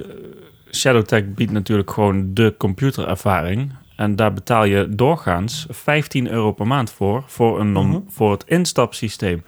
ShadowTech uh, biedt abonnementen volgens mij tot en met 45 euro per maand voor een, heel, voor een veel krachtiger uh, systeem. Ja. maar het instapmodel is 15 euro. Je betaalt nu tientje ter promotie. Maar er is een veel goedkoper alternatief. Als, het, als je namelijk alleen maar geïnteresseerd bent in uh, mooie spelletjes spelen. Dan, uh, dat ben ik nu aan het uh, proberen. Dat is Nvidia GeForce Now. GeForce Now is ook een clouddienst waar je dus games kan spelen. Je krijgt ook een game PC in principe. Met als verschil dat je dus alleen maar games kan spelen. Je kan hem niet je kan geen gebruik maken van Windows, van de Adobe Suite, dat soort dingen. Dat kan bij ShadowTech dan Hoe ziet wel. het eruit dan? Want je hebt dus geen, je ziet geen Windows-scherm, zeg maar, met gewoon nee. een startknop. Nee, je, hebt, oh. je, je hebt je client op je computer geïnstalleerd of op je laptop of, of ja. wat het ook. Want het draait op alles volgens mij. En uh, die, je start de client op. Um, wel even een side note. Je kunt niet alle spellen spelen maar wel heel veel. Ze hebben op dit moment een bibliotheek van over de 100 games. En iedere week voegen ze daar games aan toe. Uh, de games moet je al in je bezit hebben via Steam of via uh, uh, Epic Store of Uplay. Of, er zijn heel veel winkels aangesloten bij Nvidia GeForce Now. Maar het verschil zit hem in de, de uitgevers. Dus niet de ontwikkelaars, maar de uitgevers van die spellen. Die zeggen gewoon van, oh ja, maar wij willen niet dat wij op GeForce Now te spelen zijn. Ik weet niet wat de reden is. Want je speelt bijvoorbeeld als je op Steam uh, spellen koopt. En je speelt via GeForce Now. Dan speel je dus gewoon via je eigen Steam uh, library. Dus je moet in die cloud PC. Krijg je een desktop omgeving. Dus je zegt in de client zeg je nou ik wil nou dit spel spelen. Die heb ik al. Dus dan log je in met je credentials van uh, Steam. En dan start hij een, een desktop omgeving op. Waar je dus gewoon alleen maar een wallpaper hebt. Verder niks. En dan verschijnt op één keer Steam. Dan moet je inloggen bij Steam met je, met je gegevens. En dan krijg je ook je hele Steam library te zien. Maar je mag alleen dat ene spel spelen. Wat je dus uh, in de client aangetikt hebt. Als je een ander spel aanklikt, dan zegt hij dat kan niet. Maar dan installeer je hem dus daar ook op die cloud PC via Steam. Dus, uh, en dan kun je hem spelen. En de volgende keer dat je hem opstart, hoef je dat hele riddeltje niet nog een keer te doen. Dan start hij gewoon in één keer het spel op. Dan ben je al ingelogd op Steam. Maar je speelt dus... Het klinkt allemaal als, als een, een omwegje eigenlijk. Nou ja, op zich geen, het is geen grotere omweg dan ShadowTech. Bij ShadowTech moet je ook nog Windows aanzetten. Ja, nee, het is een Windows PC waar ik letterlijk Steam op geïnstalleerd heb. Dat, ja, dat klopt. Dat bedoel ik. En daar is Steam ja. al geïnstalleerd. Alleen je moet alleen nog inloggen. En je moet je spel installeren op de cloud PC. Maar dat duurt vijf seconden, want alles staat lokaal al gebufferd. Dus uh, downloaden tussen haakjes, dat duurt vijf seconden en dan dat is hij geïnstalleerd. Binnen, ja. Uh, het werkt verbazingwekkend goed. Ik heb me echt zitten verbazen over hoe soepel het werkt. Uh, als je een first-person uh, spel speelt en je beweegt met je muis, het is gewoon. Hij reageert direct. Het stottert okay. niet. Het is scherp beeld. Het is echt. Je kunt gewoon in de settings kun je gewoon lekker alles op max ultra zetten. Eh, eh, Nvidia is natuurlijk wel de, de fabrikant van videokaarten. Dus we willen wel een beetje showen met wat ze hebben. Mhm. Ja. ik heb zelfs op YouTube gezien dat eh, de graphics bij GeForce Now beter zijn dan bij Shadowtech. Oh. Iets, iets betere... ja, iets meer... Ja, terwijl Shadowtech, oh, ik zie op mijn Shadow PC dus wel Nvidia drivers. Ja, maar ik denk dat het ook te maken heeft met... drivers, ja, het, het heeft ook te maken met hoeveel compressie sturen ze over die bandbreedte. natuurlijk. Het beeld wat Ja. naar jou toe gaat. Want Ja. als je kijkt naar Google Stadia... eh, als je bijvoorbeeld... eh, hoe heet het spel nou? Ik ben even de naam kwijt. Maar in ieder geval op YouTube liet ze dat zien. Dus, eh, spel met een bepaalde naam. En deze op Stadia en op GeForce Now. En bij Stadia was het gewoon... Het, wat zwart was, was een beetje te zwart. Je kon niet goed de details zien in het, in het donkere gedeelte, zeg maar. Hmm. Het was iets minder crisp, hè? iets meer artifacts. Dat je van die... eh, dat je van die... eh, als je zeg maar een video te zwaar Rare comprimeert... blokjes of zo. rare Ja, blokjes ja. en zo. Ja. Tijdens, tijdens, tij- als je een spel speelt wat snel eh, bewegende beelden heeft... dan zal het misschien minder opvallen. Maar Ge- GeForce Now is gewoon verbazingwekkend goed... qua beeld en qua hoe soepel het speelt. Het is zelfs zo, dat zou ik dan aan iedereen willen Wat aanbevelen... kost het? Even een belangrijke... Dat is nog mooier. Het kost maar 5,40 euro of 45 per maand. Dus, het is, Oké. dus ik huur voor 65 euro per jaar een game PC... die, maar, die mij in het echt eh, over de 1500 euro zou kosten. Maar je kunt alleen maar bepaalde spellen erop spelen. Ja, ja. Dat klopt, dat klopt. Eh, maar eh, ze zijn pas net vrijgegeven. Ze hebben, heel, ze hebben jarenlang in een beta gezeten. Nu zijn ze officieel zeg maar beschikbaar voor, eh, voor de meesten. Je kunt nu een Founders Edition eh, abonnement nemen. Dus dan ben je een van de eerste die zeg maar eh, speelt. Ehm, wat wou ik nou zeggen? Oh ja, De- ze voegen dus elke week voegen ze spellen toe. En dat is een heel lijstje. hè? Dus per week voegen ze dan misschien vijf of zes spellen toe. En, dan, eh, en dat, die database eh, die blijft groeien. In de beta hadden ze er meer. Maar sinds ze officieel vrij zijn gegeven... hebben een paar ontwikkelaars gezegd van... Eruit. eruit. Ja, ik weet niet waarom. En de vraag, Ja, ik snap het niet, want je, je koopt je licentie bij Steam of bij Epic of waar dan ook en dan speel je het via een cloud PC. Dus wat is hun probleem dan met GeForce Now? Nou, misschien heb ik... een idee. Ik wil namelijk iets vertellen. Ik was vanmiddag aan het wandelen met een jongen die heel veel gamet. Dus ik noem hem even een game-expert. En hij wist dus te vertellen dat PlayStation tegenwoordig iets heeft. Dan moet je dus een PlayStation thuis hebben staan. Die zet je aan. Maar dan kun je dus op een kamertje daarnaast, via bijvoorbeeld een iPad of een ander apparaat, kun je een appje installeren. En dan kun je dus op je PlayStation gamen. Via hetzelfde dus in feite maak je een cloud computer, alleen je maakt hem zelf. Nee, ja, dat, dat doet ze via het, eh, via het lokale wifi-netwerk. Dus je moet allebei Ja. op hetzelfde wifi zetten en dan kun je dat doen. Ja. Maar Sony... En Microsoft gaat dat ook doen via de Xbox. ja, hun hebben Alleen xCloud. Microsoft gaat een stapje verder. Je hoeft niet eens een Xbox te hebben. Nee, je hebt in feite een soort GeForce Now, maar dan in de cloud. eh, Dus ook in de cloud. Dus je hoeft geen apparaat meer aan te schaffen überhaupt. Je hebt gewoon een licentie. Je betaalt, weet ik veel, wat het is, 20 euro per maand. Je betaalt daarmee niet alleen voor de PC, maar ook voor games. Maar ja, als zo'n bedrijf dus een licentie heeft via Microsoft, dan zeggen ze ja, wij willen wel even de eerste twee jaar exclusief via ons en niet meer via de concurrent. Of dat nou. Ja, maar dit is het probleem. Eh, Ja. GeForce Now is geen platform waarop je speelt. Je speelt via Steam of via de Epic Store eh, cliëntprogramma's. Dus je hebt daar gewoon je game gekocht. En Nvidia Now biedt niet... eh, Ja. ja, het is in principe gewoon een soort shadow tag met beperkingen, zeg maar. Dat je alleen maar games kan spelen. Dus of mijn PC nou daar op een server staat of hier lokaal... ik speel wel via een licentie die ik al gekocht heb. Ja. Die al betaald is. Dus ik snap niet wat Moet je toch maar een Shadow Tag over als ik het zo hoor. nou, dat is het, probleem, dat is het voordeel van Shadow Tag. Maar als ik kan kiezen Ja. tussen eh 5 euro, mooie games, Ja. lekker vloeiend.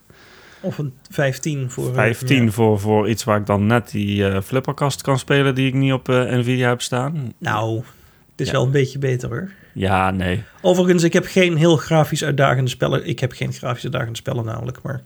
Ik speel van die rustige tra- strategiespellen waarin je een handelsroute aanlegt en een Ja. stadje bouwt. En, Bijvoorbeeld eh, Anno 1800, die kun je alleen maar kopen via, Uplay. via Uplay en via de Epic. Store. Ja. Maar dat werkt dus wel op eh, GeForce Now. Dus je kunt anno 1800... kun je gewoon op iedere aardappel-PC kun je draaien... met mooie graphics via GeForce Now. En wat ook nog interessant is... GeForce Oh, Now... die draait wel. Heb je die al geprobeerd op GeForce Now? Die heb ik geprobeerd. Werkt, werkt heel goed. Ja. Wanneer gaan wij een potje tegen elkaar doen? ik Eh, nog wel even verkopen, maar ja. Eh, dat is een goede vraag. Dan moeten we gewoon afspreken. Dit, Ja. dit zijn dingen waar ik normaal... Ja, weet je, je, je gamet even als je een paar uurtjes hebt. En dan, eh, maar heel vaak gebeurt het niet, hè. Vaak is het een uurtje of een eh, twee of twee. En dan is het ineens drie uur s'nachts. Dan denk je, oh man, ik had ook nog willen slapen vandaag. Ja. Nee, maar als je, als je fulltime baan hebt en zo... en al je Ja. verplichtingen erbij, dan heb je... Dan, ik game niet superveel, hoor. Maar ik vind het wel grappig. Want ik heb, verder heb ik alleen maar een Nintendo Switch. En soms denk ik wel eens van... Goh, ik mis toch wel even die...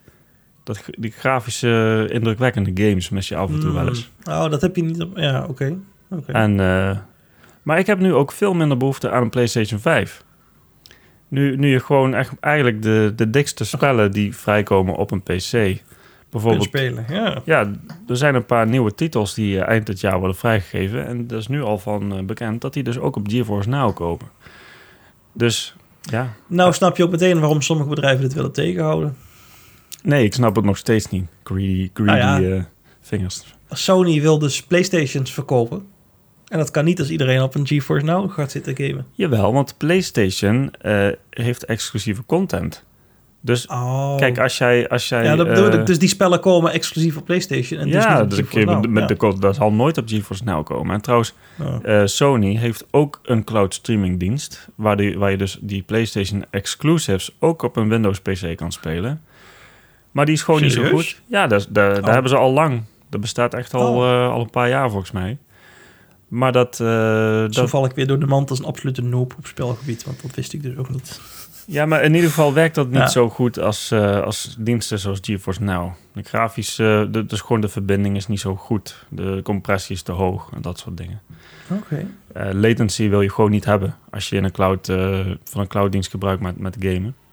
Maar ik zie Ja. nou wel heel duidelijk, want ik zit echt met mijn mond open gewoon verbaasd dat het zo goed werkt.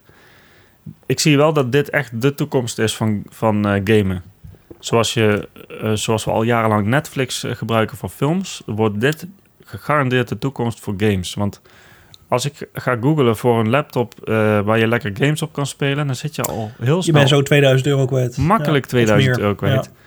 En Ja. dit is een fractie van de prijs. Eh, 65 euro per Ja. jaar. En dan te bedenken dat jouw systeem die je in de cloud hebt, die dateert niet. Want die krijgt gewoon Ze nieuwe upgraden specs. hem steeds. Ja, Ja. dus je hebt voor 65 euro per jaar heb je Ja. gewoon de dikste game PC die je eigenlijk zou kunnen kopen voor een redelijk bedrag. En nou, we hebben het over rond de 1500 euro. Voor 65 euro. Ja, dat, kun je gewoon... eh, dat is Dat gewoon is geen eh, concurrentie, hè? dat. Nee. Maar je verplaatst wel het probleem. Je moet dus thuis ook nog een PC hebben. En je moet dus ook nog een goede internetverbinding hebben thuis. Nou, ik heb dus een het is vrij... een beetje en-en nu. Nee, niet per se, want eh, het draait op iedere aardappel-PC. Dus als jij voor 50 euro een aardappel-PC haalt op, op Marktplaats, dan, dan werkt daar gewoon vloeiend op. Daar ligt het Hmm. niet aan. Het ligt dan alle- eigenlijk alleen nog maar aan je... Het, het kan trouwens ook op je telefoon, iPad, eh, op je Mac, op je Mac Mini. Op, eh, het draait overal op. Ja. ja.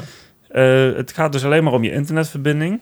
En ik heb een vrij normale, matige internetverbinding. Ik heb hier eh 50 mbit down en 9 mbit up maximaal. Meestal zit ik op 8,5 up.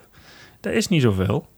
Nee. Het is voor Nederlandse Maar het begrip- gaat vooral om de down, hè? Dus de 50... eh, ja, up is natuurlijk ook voor de input belangrijk. Maar met mijn, met mijn eh, zeg maar 8,5 of 8 up, eh, dat is ruim voldoende. Ik heb geen eh, haperingen of stotteringen. En Oké. 50 mbit down is, eh, vol- volgens mij, volgens de rating, hoef je maar 35 mbit down te hebben. Volgens de specs.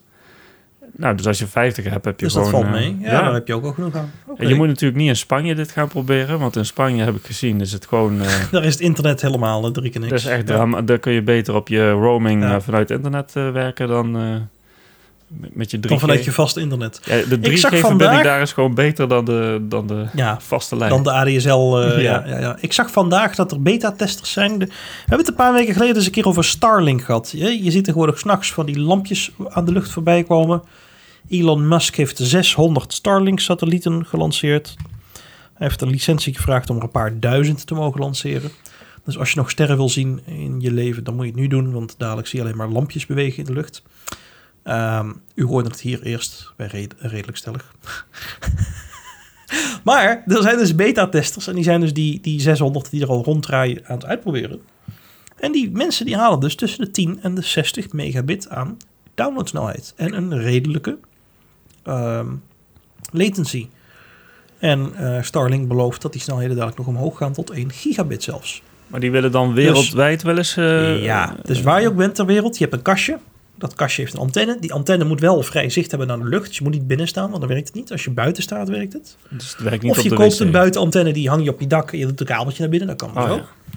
En dan zet je dan een kastje weg, net als we tegenwoordig een router wegzetten. Maar dat is je dan, ideaal voor, eh, voor afgelegen gebieden natuurlijk. Als jij ergens een kleihutje dan hebt moet je in Afrika. nagaan hoeveel mensen... Kijk, bijvoorbeeld mijn ouders wonen in het bos. Die hebben dan tegenwoordig via 4G, dus een router die trouwens prima snelheden haalt. Maar hoeveel mensen ter wereld hebben niet het geluk in een land te wonen... waar toevallig onder een paar meter een 4G-mast staat? Ja, ja. En nog een bijkomend voordeel. Die satellieten kunnen niet in fik worden gestoken door gekkies die iets tegen 4G hebben of 5G. Ja, maar die, eh, iets tegen. Ja. Die gebruiken dan kruisraketten, hè? Die, eh, ja, maar als de gekkies eenmaal aan kruisraketten gaan doen, dan kunnen ze ook niet meer in een flat earth geloven. Want om zo'n ding met te mikken, moet je wel met de kromming van de aarde rekening kunnen houden en zo. Dus ja, maar daarvoor ja, installeren ze een app. Dat hoeven ze zelf niet uit te rekenen. Misschien moeten we dit soort apps niet aan gekkies... ge- Ja, ik weet het niet. ja, goed. In ieder geval Starlink dus. Oké. Ik heb goede hoop dat we in ons leven nog snel internet gaan krijgen, overal ter wereld. Ja, maar ik moet zeggen, eh, ik kreeg op weg, eh, eh, dus op vakantie had ik, kreeg ik van mijn provider 15 gig voor roaming, mocht ik gebruiken per maand. Want in Nederland heb ik onbeperkt, maar in het buitenland kreeg ik dus 15 gig voor, meer mocht ik niet in, in de maand uitgeven. Maar dat ging best eh, prima. Je, moet er natuurlijk niet zwaar YouTube de hele dag op zitten kijken, maar ik heb denk ik in totaal 5 gig verbruikt en ik heb eh, toch al redelijk wat dingen op mijn, eh, op mijn mobieltje gedaan. Ik heb een aantal bestanden via WeTransfer verstuurd. Ik heb eh, toch wel Als wat... je op je hotelkamertje wil Netflix of zo. Ja, ik heb wel wat, 15 eh, wat wat streamingvideo's. kijken, ja. Heb ik Ja. wel gekeken, ja. En, en natuurlijk alles wat je daar doet. Maps, eh, restaurants opzoeken, dat soort dingen. Ja, maar dat, dat zijn de gigabytes niet, hè? Ja. Nee, maar het werkte best... eh, het was trouwens via 3G ook. Ik had geen 4G in het buitenland. Oh. Ehm, Hebben ze dat niet in Spanje? ik denk het wel, maar ik denk dat mijn provider gewoon zegt dat je gaat roaming... eh, als je roaming gaat doen, dan krijg, Krijg je je het gewoon... goedkoopste? Oh, Ja, de- oké. ik denk dat het daaraan ligt. Maar het was niet slecht. Het was, geen, het was een 3G snelheid die gewoon... Je kon er goed mee streamen en zo. Dus dat was... eh, Oké, oké, oké. prima. Ja. Hmm, wat zie ik nog meer hier staan? Ehm,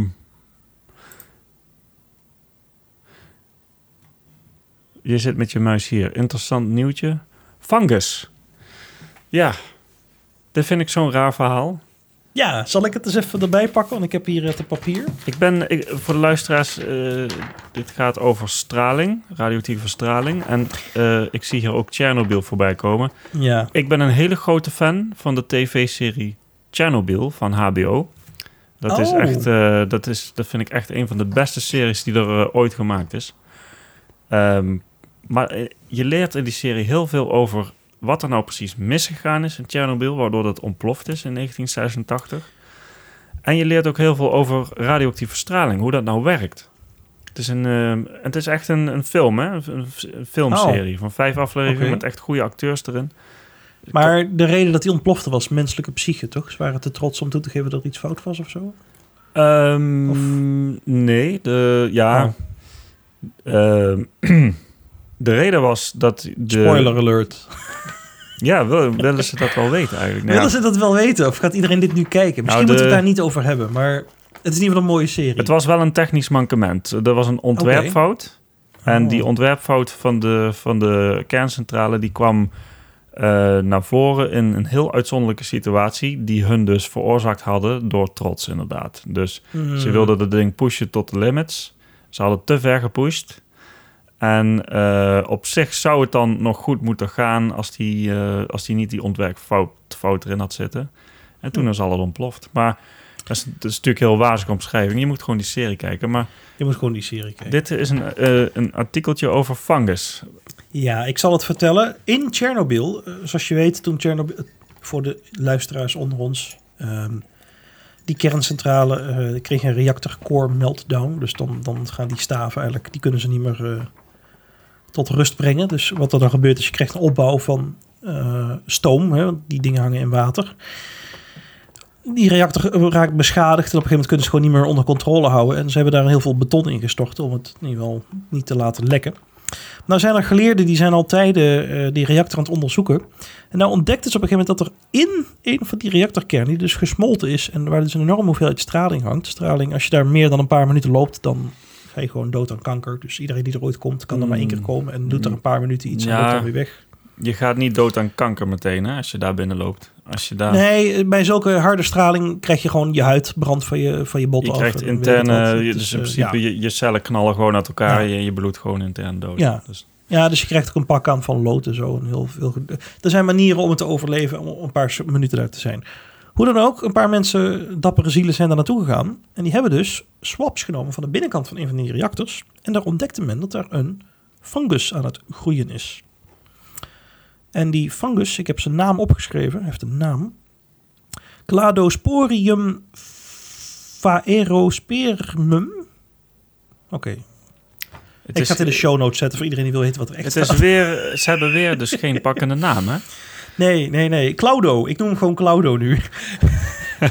deze, um, deze fungus die bleek te leven van die straling. Dus hij gaat niet dood van de straling. Hij brandt niet weg van de straling. Nee, zoals normale plantjes hoe heet dat? Zoals normale plantjes leven van de zon. Ja, leeft dit van, plantje van, van, van radioactieve straling. Dus het is geen... Um, dat heeft een mooi woord wat ik nu vergeten ben. Wat, wat, wat bladgroencellen doen, hoe heet dat ook alweer? Fotosynthese. Ja, fotosynthese. Dankjewel Nico, je hebt er verstand van. Deze cellen doen niet aan fotosynthese, nee, deze doen aan radiosynthese. Met andere woorden, ze zetten radioactieve straling, gammastraling, om in energie.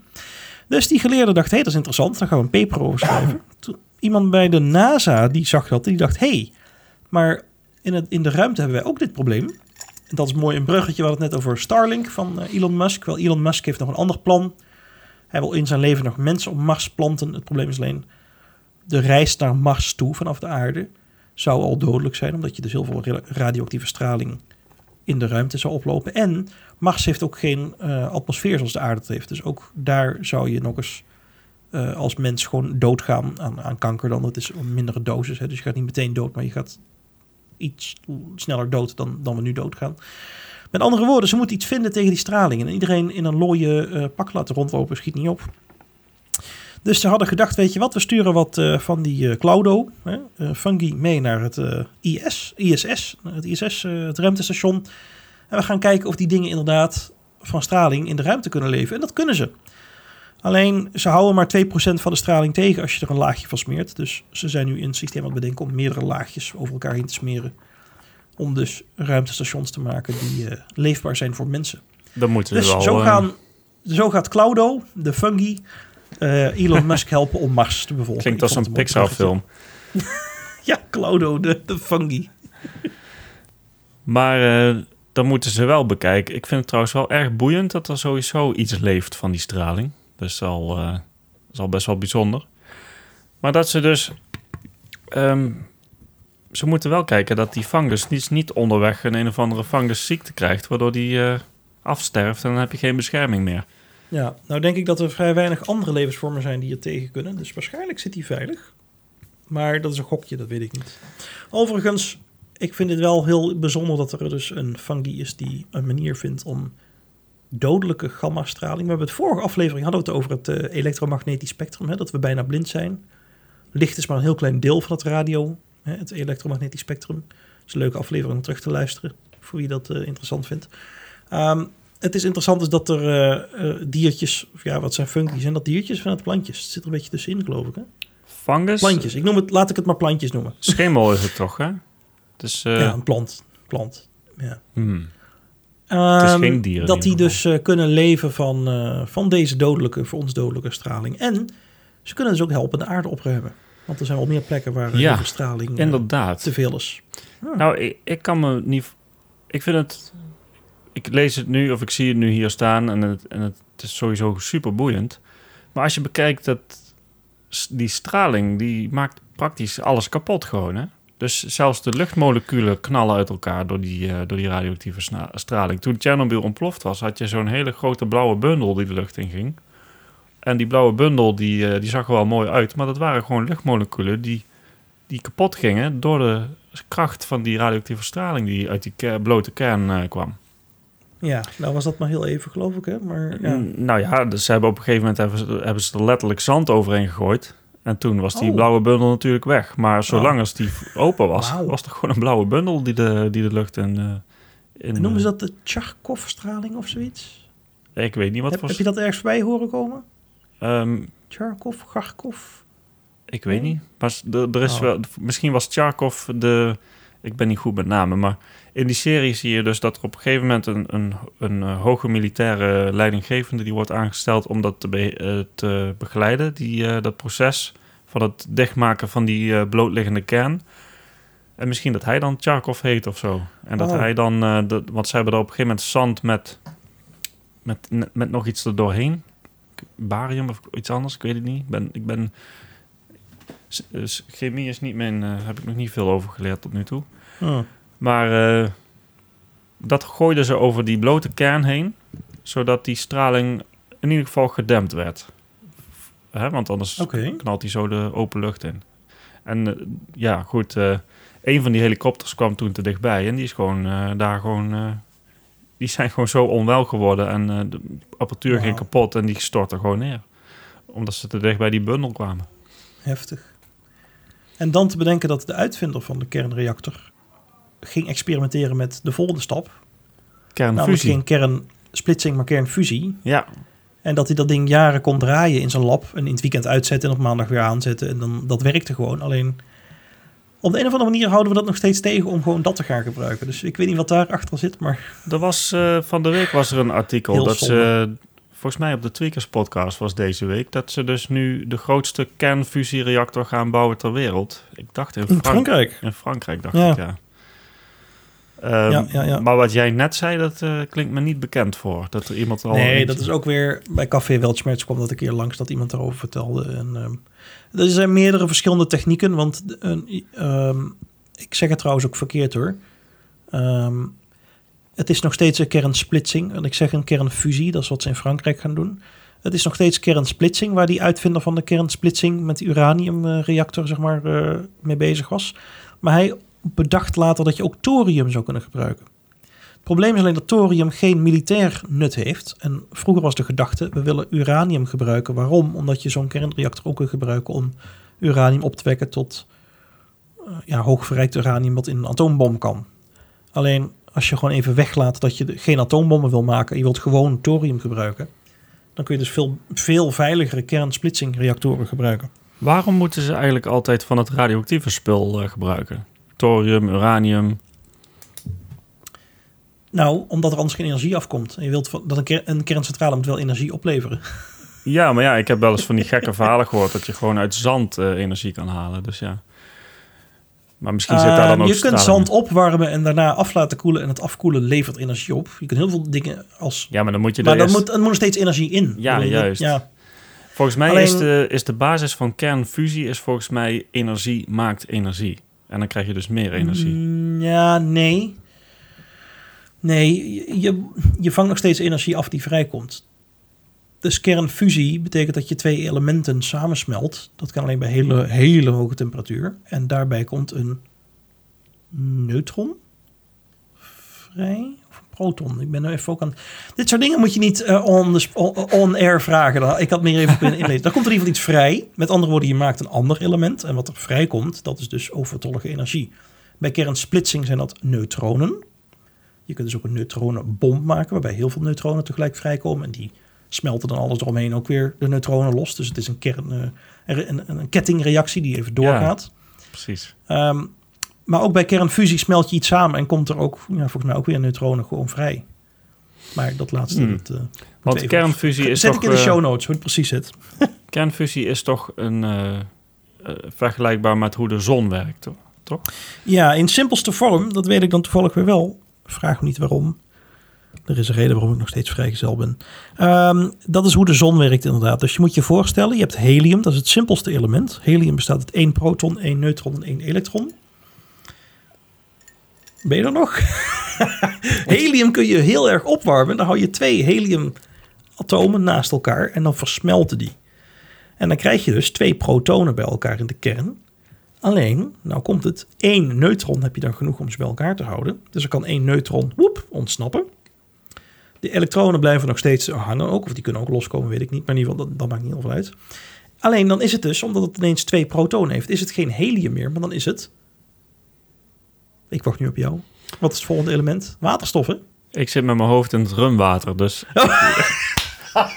Je zat warm, water. Inderdaad, waterstof. Ja, dat is het volgende element de op, de, op het... eh, ja, ja.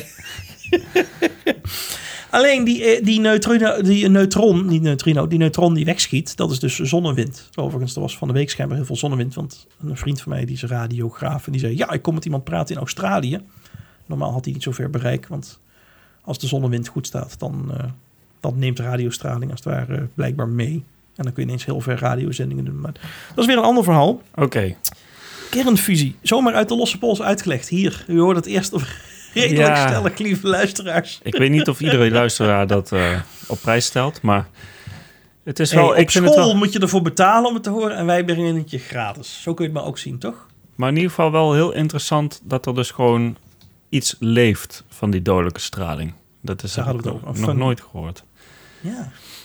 Nou, we gaan over Ja. naar de tips, want het is alweer eh We hoog zijn al een tijd. uur bezig, hè?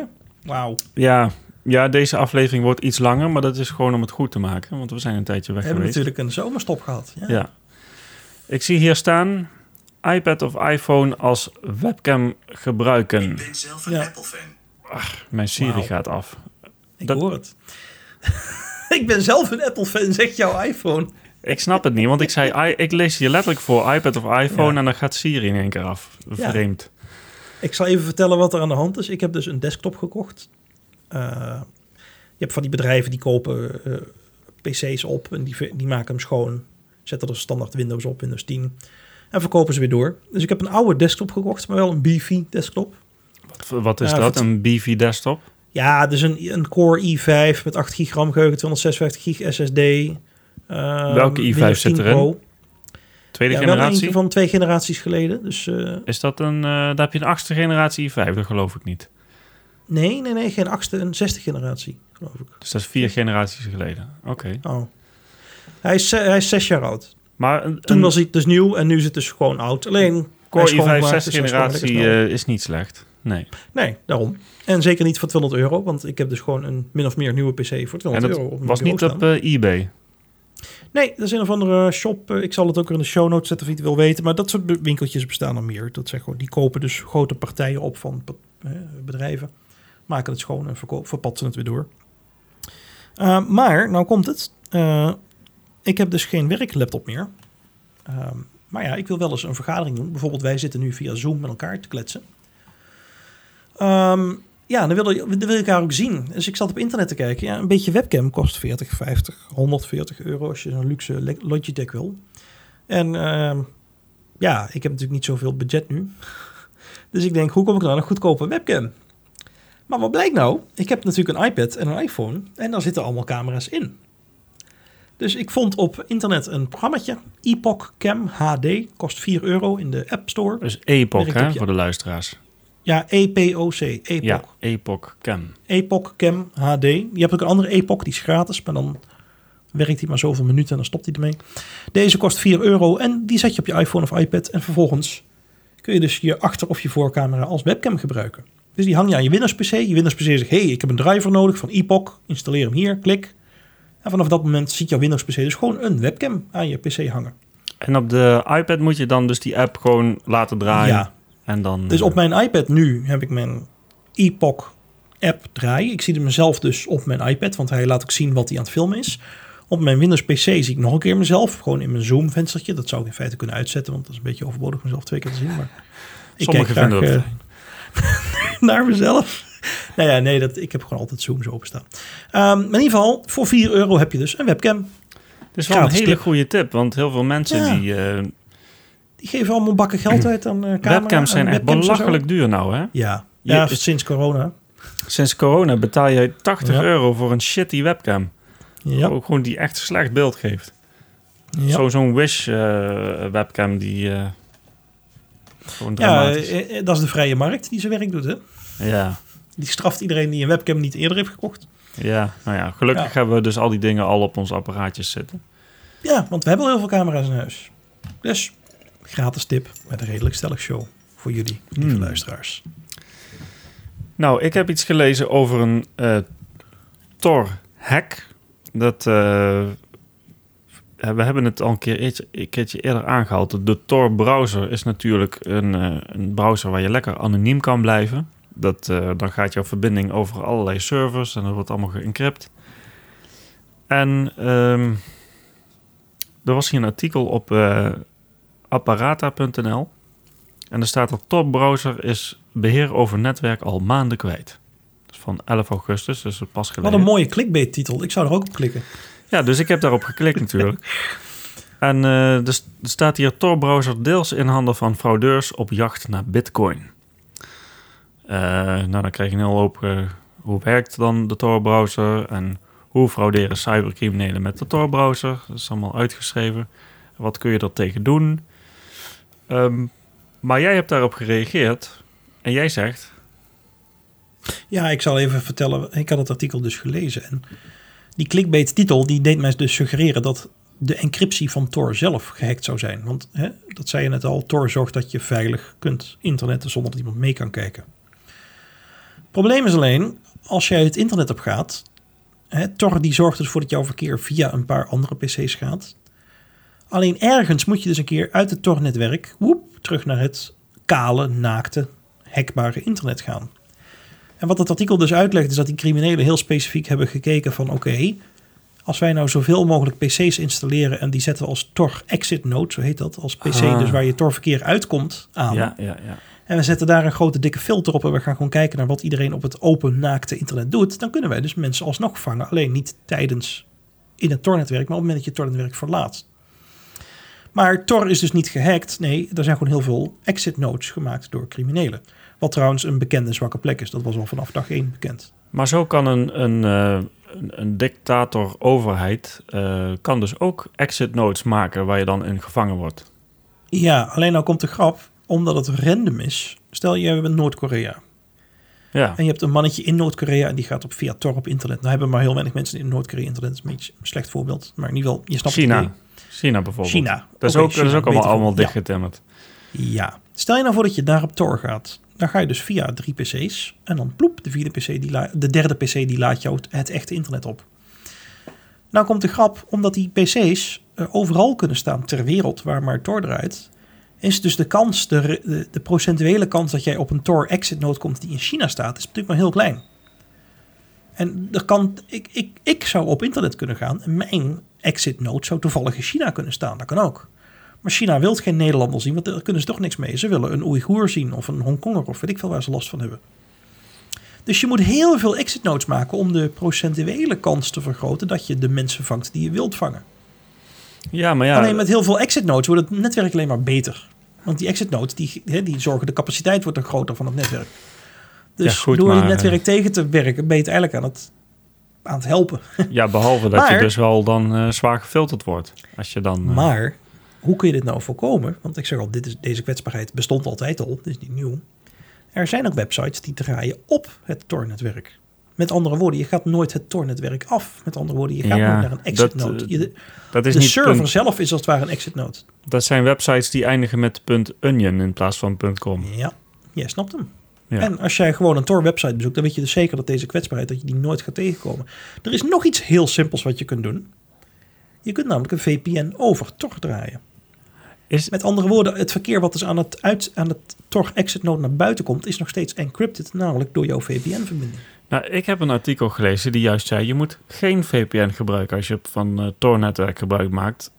Want dan is nee, de VPN... maakt je verbinding trager. Bedoel, natuurlijk. Nee, maar dan, daar ging het niet om. Maar dat ging er dan over dat dus je VPN dan eh, alsnog al je data... Dus dan moet je volledig op je VPN vertrouwen. Volgens mij doe je dat altijd als je VPN Ja, gebruikt. je verplaatst het probleem. Want als ik, een, eh, als ik China of Amerika was, zou ik gewoon alle VPN-services ter wereld opkopen en daar filters op zetten, natuurlijk. Ja, Dus de- uiteindelijk aan het einde van de dag moet je kiezen wie je vertrouwt. ja, juist. Alleen dat kun je dus voorkomen door te zeggen: ik ga alleen maar naar een Onion. Een Maar als ik dus, website. eh, je gaat niet van een Tor-netwerk Dat af. heb ik me wel altijd afgevraagd. Als ik dus nou thuis mijn VPN-client aanzet...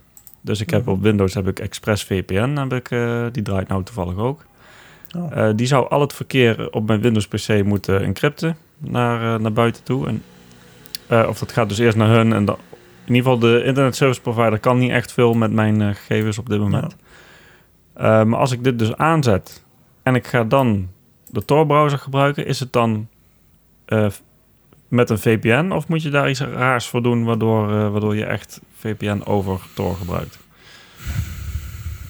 Ehm, ik weet niet wat hij in zo'n geval doet. Want volgens mij pakt hij dan niet jouw VPN-verbinding. Niet. Volgens mij is die toch net die toch software die je draait, is zelf zo slim om dan niet jouw VPN te gebruiken, maar gewoon direct de verbinding te maken. Hm, dus dan moet je toch wel een trucje Overigens, dat kun je heel simpel eh, uitproberen. Maar ja, niet heel simpel. Nee, het is niet heel simpel. Dat kun je zo niet zien als eindgebruiker. Oké, nou ja, dan, dat is dan misschien een antwoord wat je wilde, maar Nee. niet iets wat ik even in een podcast kan uitleggen. Dat, eh, ja. En dan zie ik hier iets anders staan. Ehm, hoe zoek je een goed product uit? Dat is een eh, vraag die jij hebt opgeschreven. Gaat over online Ja. shoppen, denk ik. Lieve luisteraars, jullie hebben echt geluk. Alle tips die jullie de afgelopen week hebben moeten missen, krijg je nu in één keer. Gratis, bijna gratis webcam. Tor wel of niet gehackt. Wat hadden we net nog meer voor tips? Ik weet niet eens wat, eh, wat we allemaal voor tips hadden. Chernobyl. Nog zoiets leuks. Stel je voor dat jij op Amazon of bol.com iets gaat uitzoeken, een product, je wilt iets kopen. Bijvoorbeeld een webcam. Stel dat je toch een webcam wil kopen. Ik heb gemerkt dat de vijf sterren tips, dus de vijf sterren reviews die zeggen dat het fantastisch is, ja, dat geloof ik wel. Want waarschijnlijk worden die mensen betaald om te zeggen dat iets heel goed is. Dus wat doe ik? Ik ga juist naar de reviews die één sterren geven of twee sterren geven kijken. Hm. En dan ga ik lezen. En het gaat niet om dit product is slecht, want daar scroll ik langs. Maar ik ga de mensen lezen die de moeite doen om te leg- uit te leggen waarom ze iets slecht vinden. En soms zie ik dan redenen dat ik denk, ja, ik snap wat je bedoelt, maar bij mij is dat niet van toepassing. Of soms zie ik hele goede redenen waar ik denk van, ja, inderdaad, het is fijn dat ik dat even lees, want dat, nee, dat wil ik niet hebben. Dus eh, mijn punt is, aan goede reviews heb je niks. Je moet de slechte, de, de lage reviews met het lage score lezen. Ja, Maar dat ja. kan zijn dat iemand om goede redenen iets slecht vindt, maar die redenen zijn gewoon niet geldig voor jou. Ja. Terwijl, eh, hè, als je alleen maar naar de goede reviews zou kijken, allemaal op de vijf sterren zou lezen, denk je, ja, dit zal wel fantastisch zijn, want ik zie alleen maar... hè, Ja, ik lees ze eigenlijk altijd allemaal. Dus en de goede Oh. en de slechte. Want ik wil, eh, ik wil een, zo volledig mogelijk beeld. Want eh, soms zijn er ook mensen die geven een slechte review... omdat ze gewoon die winkel niet mogen... of vinden, of de eh, winkel- iets ja, te duur vinden... of dat ze, weet ik veel, een slechte dag hebben gehad. Maar dat is inderdaad een goede tip. Mensen die daar eh, opschrijven waarom het slecht is... ja, dat, daar zit dan wel waarde in, natuurlijk. Ehm, als ik hier kijk naar... Eens kijken... Ja, ik ga, een stukje ga ik overslaan hier. Want we zitten nu al eh, een tijdje aan de gang. We gaan de redenatiefout overslaan. Dat is gewoon... Oh, Ja, dat is too much. dit was mijn favoriete redenatie. Oké, nou ja. Ja, dan doen we hem volgende week. we- we Dan gaan we hem uitproberen op Wouter, die is er volgende week. Ja, dan, Wouter die snapte die vorige trouwens ook niet, vertelde niet. Dus ik ben erg benieuwd wie deze wel snapt. ja. Oké, prima. Gaan we, op- gaan we op Wouter volgende week uitproberen. Wouter, je bent gewaarschuwd. Ik, eh, ik zie een ander interessant puntje. Ik, ik skip een paar dingen, maar de, ik ga even de dingen die er voor mij uitspringen ga ik, eh, behandelen. Eh, voor degenen die dat gevolgd hebben, ik ben daar een van. De beta van iOS 14, daar hè, heb je beta 1, beta 2, beta 3, beta 4 zitten we nou op. Oh. Misschien voor degenen die dat boeiend vinden, zoals ik, dan zie je op YouTube gewoon weer mensen die zeggen van... nou, dit is er nieuw in deze beta en dit, is er, dit, dit is er slecht. Bijvoorbeeld de batterij gaat sneller leeg in een bepaalde beta-versie. Of dat gaat er weer goed. Maar in, eh, in een van die iOS 14 beta's, eh daar staat hier dat je dus dat het zichtbaar wordt wanneer een app iets van je clipboard probeert te lezen. En dat clipboard, dat is als je iets kopieert. Hè? Dus je kopieert een stukje Ja. tekst. Ehm, dan zit dat op je clipboard. Op Android eh, en op Windows heb je zelfs een hele clipboard beheerder.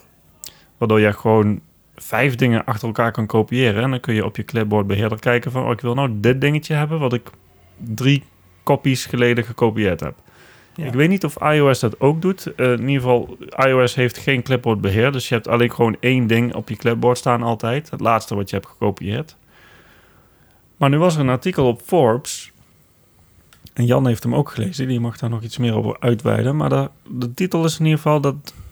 Laat zien dat eh, TikTok, dus die app waar iedereen helemaal gillend gek over aan het doen is... eh, dat die heel de tijd die clipboard aan het uitlezen was. Ja, ik zal het sterker vertellen. Dankzij die iOS beta, beta, beta, het is Griekse, beta. In ieder geval, dankzij iOS kunnen we dus nu zien wanneer een app eh, naar jouw clipboard kijkt. En wat blijkt nou? Ook als jij TikTok niet draait, dan is TikTok toch met jouw clipboard bezig. Waarom is dat eng? Omdat op iOS, op jouw iPhone, zeker als jij een iPad en een iMac en zo hebt, dan Hè, als al die apparaten op hetzelfde account zitten, dan deel jij dus ook één clipboard. Hè? Dus ik kan op mijn iPad kan ik iets kopiëren. En dan kan ik op mijn iPhone plakken en dan komt dat dus binnen. Met andere woorden, als ik op één van mijn apparaten TikTok heb staan. Stel dat ik op mijn iPad een wachtwoord kopieer. En ook al druk ik niet op mijn iPhone op plakken, dan nog zit het wel op het clipboard van mijn iPhone. Met andere woorden, alles wat jij kopieert alles wat jij kopieert, of het nou op je iPhone of je iPad, op je iMac is, maakt niet uit. Dat ziet TikTok. Dit op zichzelf is nog niet zo heel erg. Want bedoel, het kan gewoon een bug zijn waardoor die per ongeluk om de drie seconden naar je clipboard kijkt. Nou komt het erge. Maanden geleden in maart was dit al ontdekt door een andere beveiligingsexpert op Android. Dat TikTok ook op Android naar jouw clipboard kijkt. Ja, en die is uitgebreider. Toen had TikTok gezegd: Oh, dat was een foutje. We gebruiken een oude SDK, een oude software development kit van Google. Eh, dat gaan we eruit slopen. Dit had nooit mogen gebeuren. Bla bla bla. Nu blijkt dus drie maanden later dat ze er niet uit hebben gehaald. Sterker zegt dat ze het nog steeds gebruiken. Ik weet niet of jij dat andere artikel ook gelezen hebt, Nico, wat ik erin had geplakt. Ik had wat screenshots uit, eh, van een beveiligingsexpert in de volgende pagina's erin geplakt. Maar ik kan die heel kort samenvatten. TikTok is geen video-share app. Je kunt in TikTok video's maken en delen. Ik heb dat ook gedaan. Uh, ik voel hem ook helemaal de bom, want de eerste paar video's die krijgen meteen heel veel views en likes en zo. Ja, ben je populair TikTok? geworden? Nou ja, dat is een trucje van hun. Iedereen wordt populair die erop begint. Oh. En daarna probeer je dat te evenaren en dan ben je verslaafd natuurlijk. Dus heel Ah. slim. Maar nou komt het. TikTok is geen videodeel-app. TikTok is een spionage-app die zich voordoet als een videodeel-app. TikTok ehm, legt bewust al het verkeer vast wat er langskomt. Legt bewust vast wat voor telefoon jij draait, welke versie jij draait, welke software je nog meer draait. Wat jouw landinstellingen zijn. TikTok kopieert alle gegevens die hij maar kan vinden. En stuurt dat naar een server in China door. Maar hij kan toch niet zien wat mijn bankieren-app doet? Jawel. Ja, maar Want voor- stel je nou voor dat jij bijvoorbeeld eh, een bedrag kopieert. En dat ga jij naar jouw bankieren-app verplaatsen. En dan daar wil je plakken, want je wilt precies een goed bedrag overmaken. Dan ziet dat bedrag langskomen. Ja, dat maar Hij ik kan bedoel, zien, Nou. het, het verkeer van Rabobank kan die toch niet... eh, of van welke bank dan ook app. De, de apps Nou kunnen onderling het. niet communiceren, toch? dat is waar. Daar heb je een goed punt. En daar hebben ze iets omheen gevonden. Het is echt een app die gemaakt is om jou te hacken. Wat hebben ze namelijk gedaan? Ik pak het er even bij. Ehm, er zit namelijk een functie in, in TikTok, om van een server in China een programma te kunnen downloaden en te kunnen uitvoeren. Met andere woorden, als iemand in China jou wil hacken, dan kunnen ze dus een programmaatje schrijven speciaal gemaakt voor de zwakheden in jouw telefoon. Ze kunnen precies zien wat voor telefoon jij hebt. En dat kunnen ze dan op jouw telefoon uitvoeren. Dus, dus, dus ik heb ook TikTok. Ik sta naast jou. Ik word niet getarget. Mijn TikTok doet niks, raars. Ze kunnen jou persoonlijk targeten als ze besluiten dat jij eh, belangrijk genoeg bent om getarget te worden. Dus als je je afvraagt waarom TikTok ondertussen in een paar landen verboden is. En ondertussen uit app stores verwijderd is, bijvoorbeeld in India. Of wat er nu speelt in Amerika, hè, dat ze nog 30 dagen hebben om eh, hun diensten te verkopen aan een Amerikaanse bedrijf. Of ze worden geblokkeerd. Dat is dus niet omdat ineens heel de wereld hekel heeft aan grappige dansvideo's. Nee, Het is gewoon dat we spionage vanuit China willen stopzetten. Hmm. Dus lieve mensen, als je TikTok hebt op dit moment, gooi het, doe jezelf een plezier, gooi het van je telefoon af. Ik, uh, uh, het is even- spionagesoftware. ik keek net even op de App Store. Maar Ja. TikTok is gewoon, gewoon te downloaden in de App Store. En dan zou je toch Ja. zeggen van... eh, als dit zo'n drama is, waarom halen ze het dan niet gewoon van de App Store af? Want ze willen toch niet dat iPhone-gebruikers... of welke gebruikers van welk platform dan ook... worden bespioneerd. En, eh, Ja, nou is de grap dat Apple altijd hele grote verhalen ophoudt over hoe ze onze privacy beschermen. ja, En precies. soms klopt dat ook. Alleen als jouw app populair genoeg is, dan knijpen ze een oogje dicht. Alhoewel bij Epic Games dan weer niet deze week. Die zijn wel gewoon uit de App Store eh, geknikkerd. Ja, en Xcloud is niet eens toegelaten. Maar ehm, nog iets, want het, het is echt heel smerig. Het zijn slimme, slimme Chinezen. De manier waarop TikTok is gemaakt. Normaal als je een programma schrijft, dan compileer je dat. En dan heb je bijvoorbeeld ehm, een, een assembly taal, zeg maar. Ze hebben dus zelfs de assembly taal waarin... eh, de, waar dit naar gecompileerd hebben ze, dat is normaal OLVM. Daar hebben ze een speciale versie van gemaakt die er anders uitziet. Ehm, er zitten bepaalde elementen in de app die ook nog eens met encryptie versleuteld zijn. Dus tenzij je daar de, de, de, de encryptie, eh, de, de sleutel van weet, kun je het niet decrypten. Dus je kunt niet eens zien wat het doet. Wauw. Eh, met andere woorden, het is dus echt gewoon... TikTok is een spionage-app.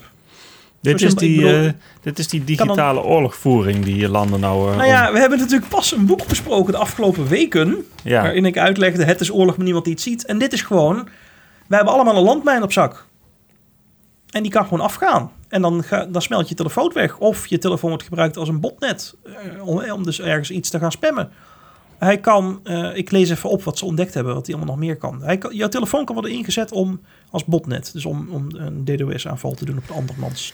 ja, maar dan ga ik even jouw Hij pauze kan zetten. alle dingen die jij intypt vastleggen. Alles. Da, da, Alle keystrokes. ook als ik in een andere app zit. In alle apps. Hij draait op de achtergrond. Ja.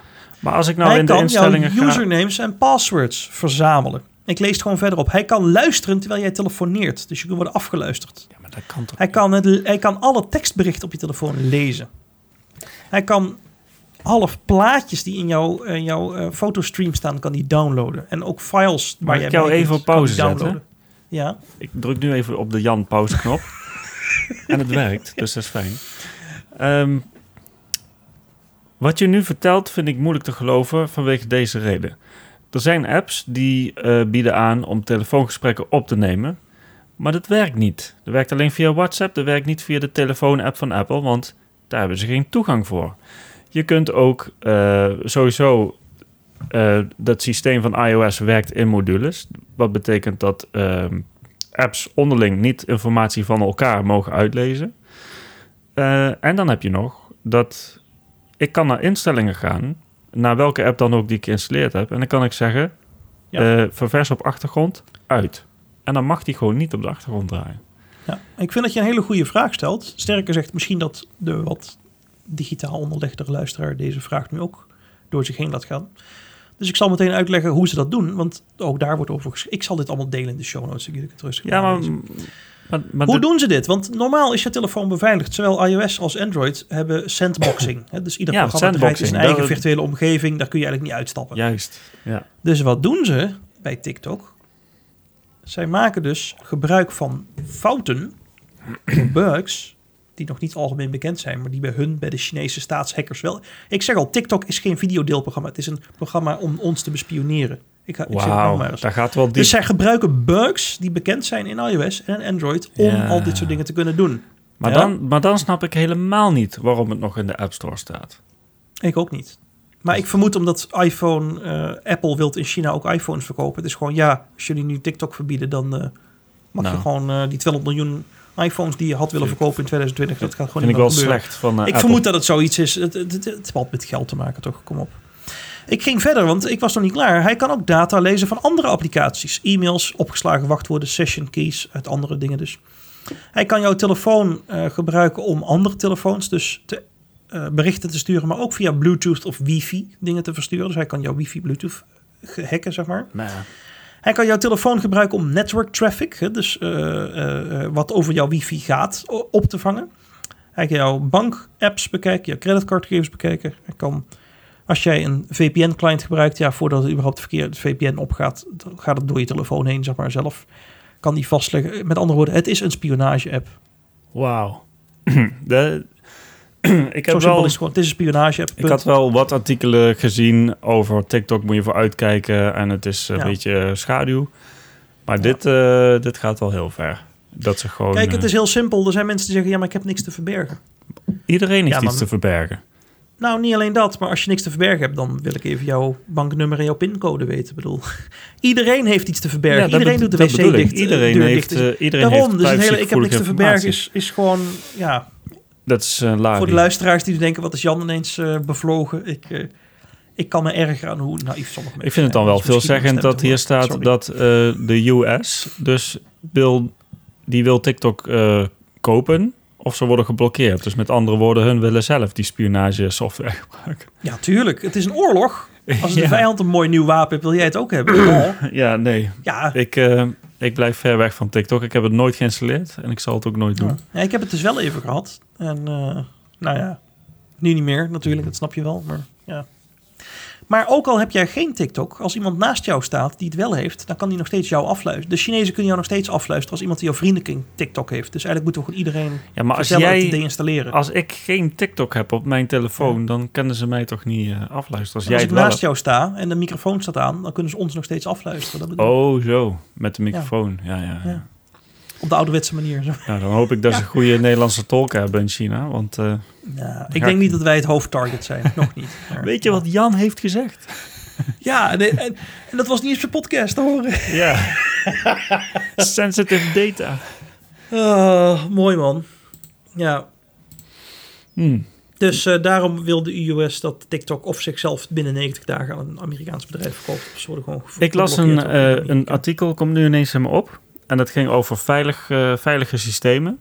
En daarin werd beweerd dat elk systeem dat een eh, verborgen broncode heeft, zoals Windows, zoals macOS, zoals iOS, zoals Android. Android weet ik niet zeker. Android is deels open source. Ja, maar deels ook niet.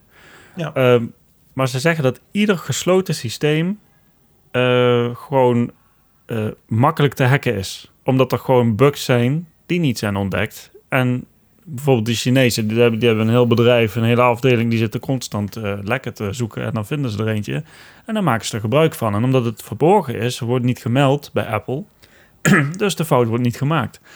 Ja. En als jij een, ehm, wat is dat, GitHub, waar al die programmeurs samenkomen.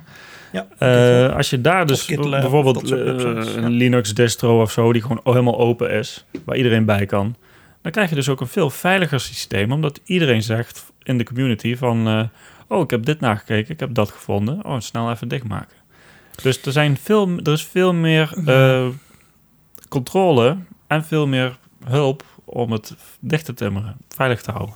Ik ken dit argument en ik snap, eh, volgens mij was Richard Stallman degene die zei, under enough eyeballs, all bugs are shallow. Hè? Dus met andere woorden, als er maar genoeg mensen naar kijken, dan wordt iedere bug gevonden. Ja. Alleen, nou kom je dus ook meteen op de kern van het probleem. Stel je voor dat jij een programma maakt wat niet veel wordt gebruikt. Waar dus ook niet veel programmeurs überhaupt ooit de code van bekijken. Dan gaat jouw bug dus nog steeds 10 jaar lang of 20 jaar lang niet gevonden worden. Ja, maar we hebben het nu over eh, het neerzetten van een industriële standaard. Dus, dus stel dat jij een bepaalde Lin- Linux distro hebt die, eh, die gewoon naast iOS of naast eh, macOS en Windows zou draaien op, op allerlei systemen wereldwijd. Ja. En die is open source en daar kan iedereen bij. Ja. Dan zou dat een veel veiliger systeem moeten zijn dan Windows of macOS. Dat is het ook. Nou ja, eh, Linux is ook veel veiliger. Tenminste, als je er niet te veel meuk bij installeert. Ja, het nadeel van Linux vind ik gewoon dat, het, dat er zoveel distro's zijn... dat ik gewoon eigenlijk helemaal niet meer weet waar ik aan begin. Het is, het is gewoon een grote gillende chaos eh, voor iemand zoals ik. Ja. Ja. Het is... ehm, het ziet er ook anders uit dan Mac. Het ziet er ook anders uit dan Windows. Alhoewel, je hebt een Linux-distributie die heet Elements OS. En die ziet eruit als Mac. Dus als je wil doen alsof je Mac hebt, dan moet je gewoon Elements installeren. Kijk jongens, Dus dan hoef je niet aan een nieuwe omgeving te wennen. Het ziet er hetzelfde uit. Maar ja, ja. Nee, maar zo'n distro is dan weer... Dat moet dan... Dat bedoel ik. Dus dat is dan weer een gefragmenteerd deel van het geheel. En daar kunnen dan weer bugs in zitten die... Ja, Die maar een distro gezien- is alleen maar het schilletje. Dat is, dat- alleen maar hoe het scherm eruit ziet. Eh, eh, eh, want dat weet ik dus niet.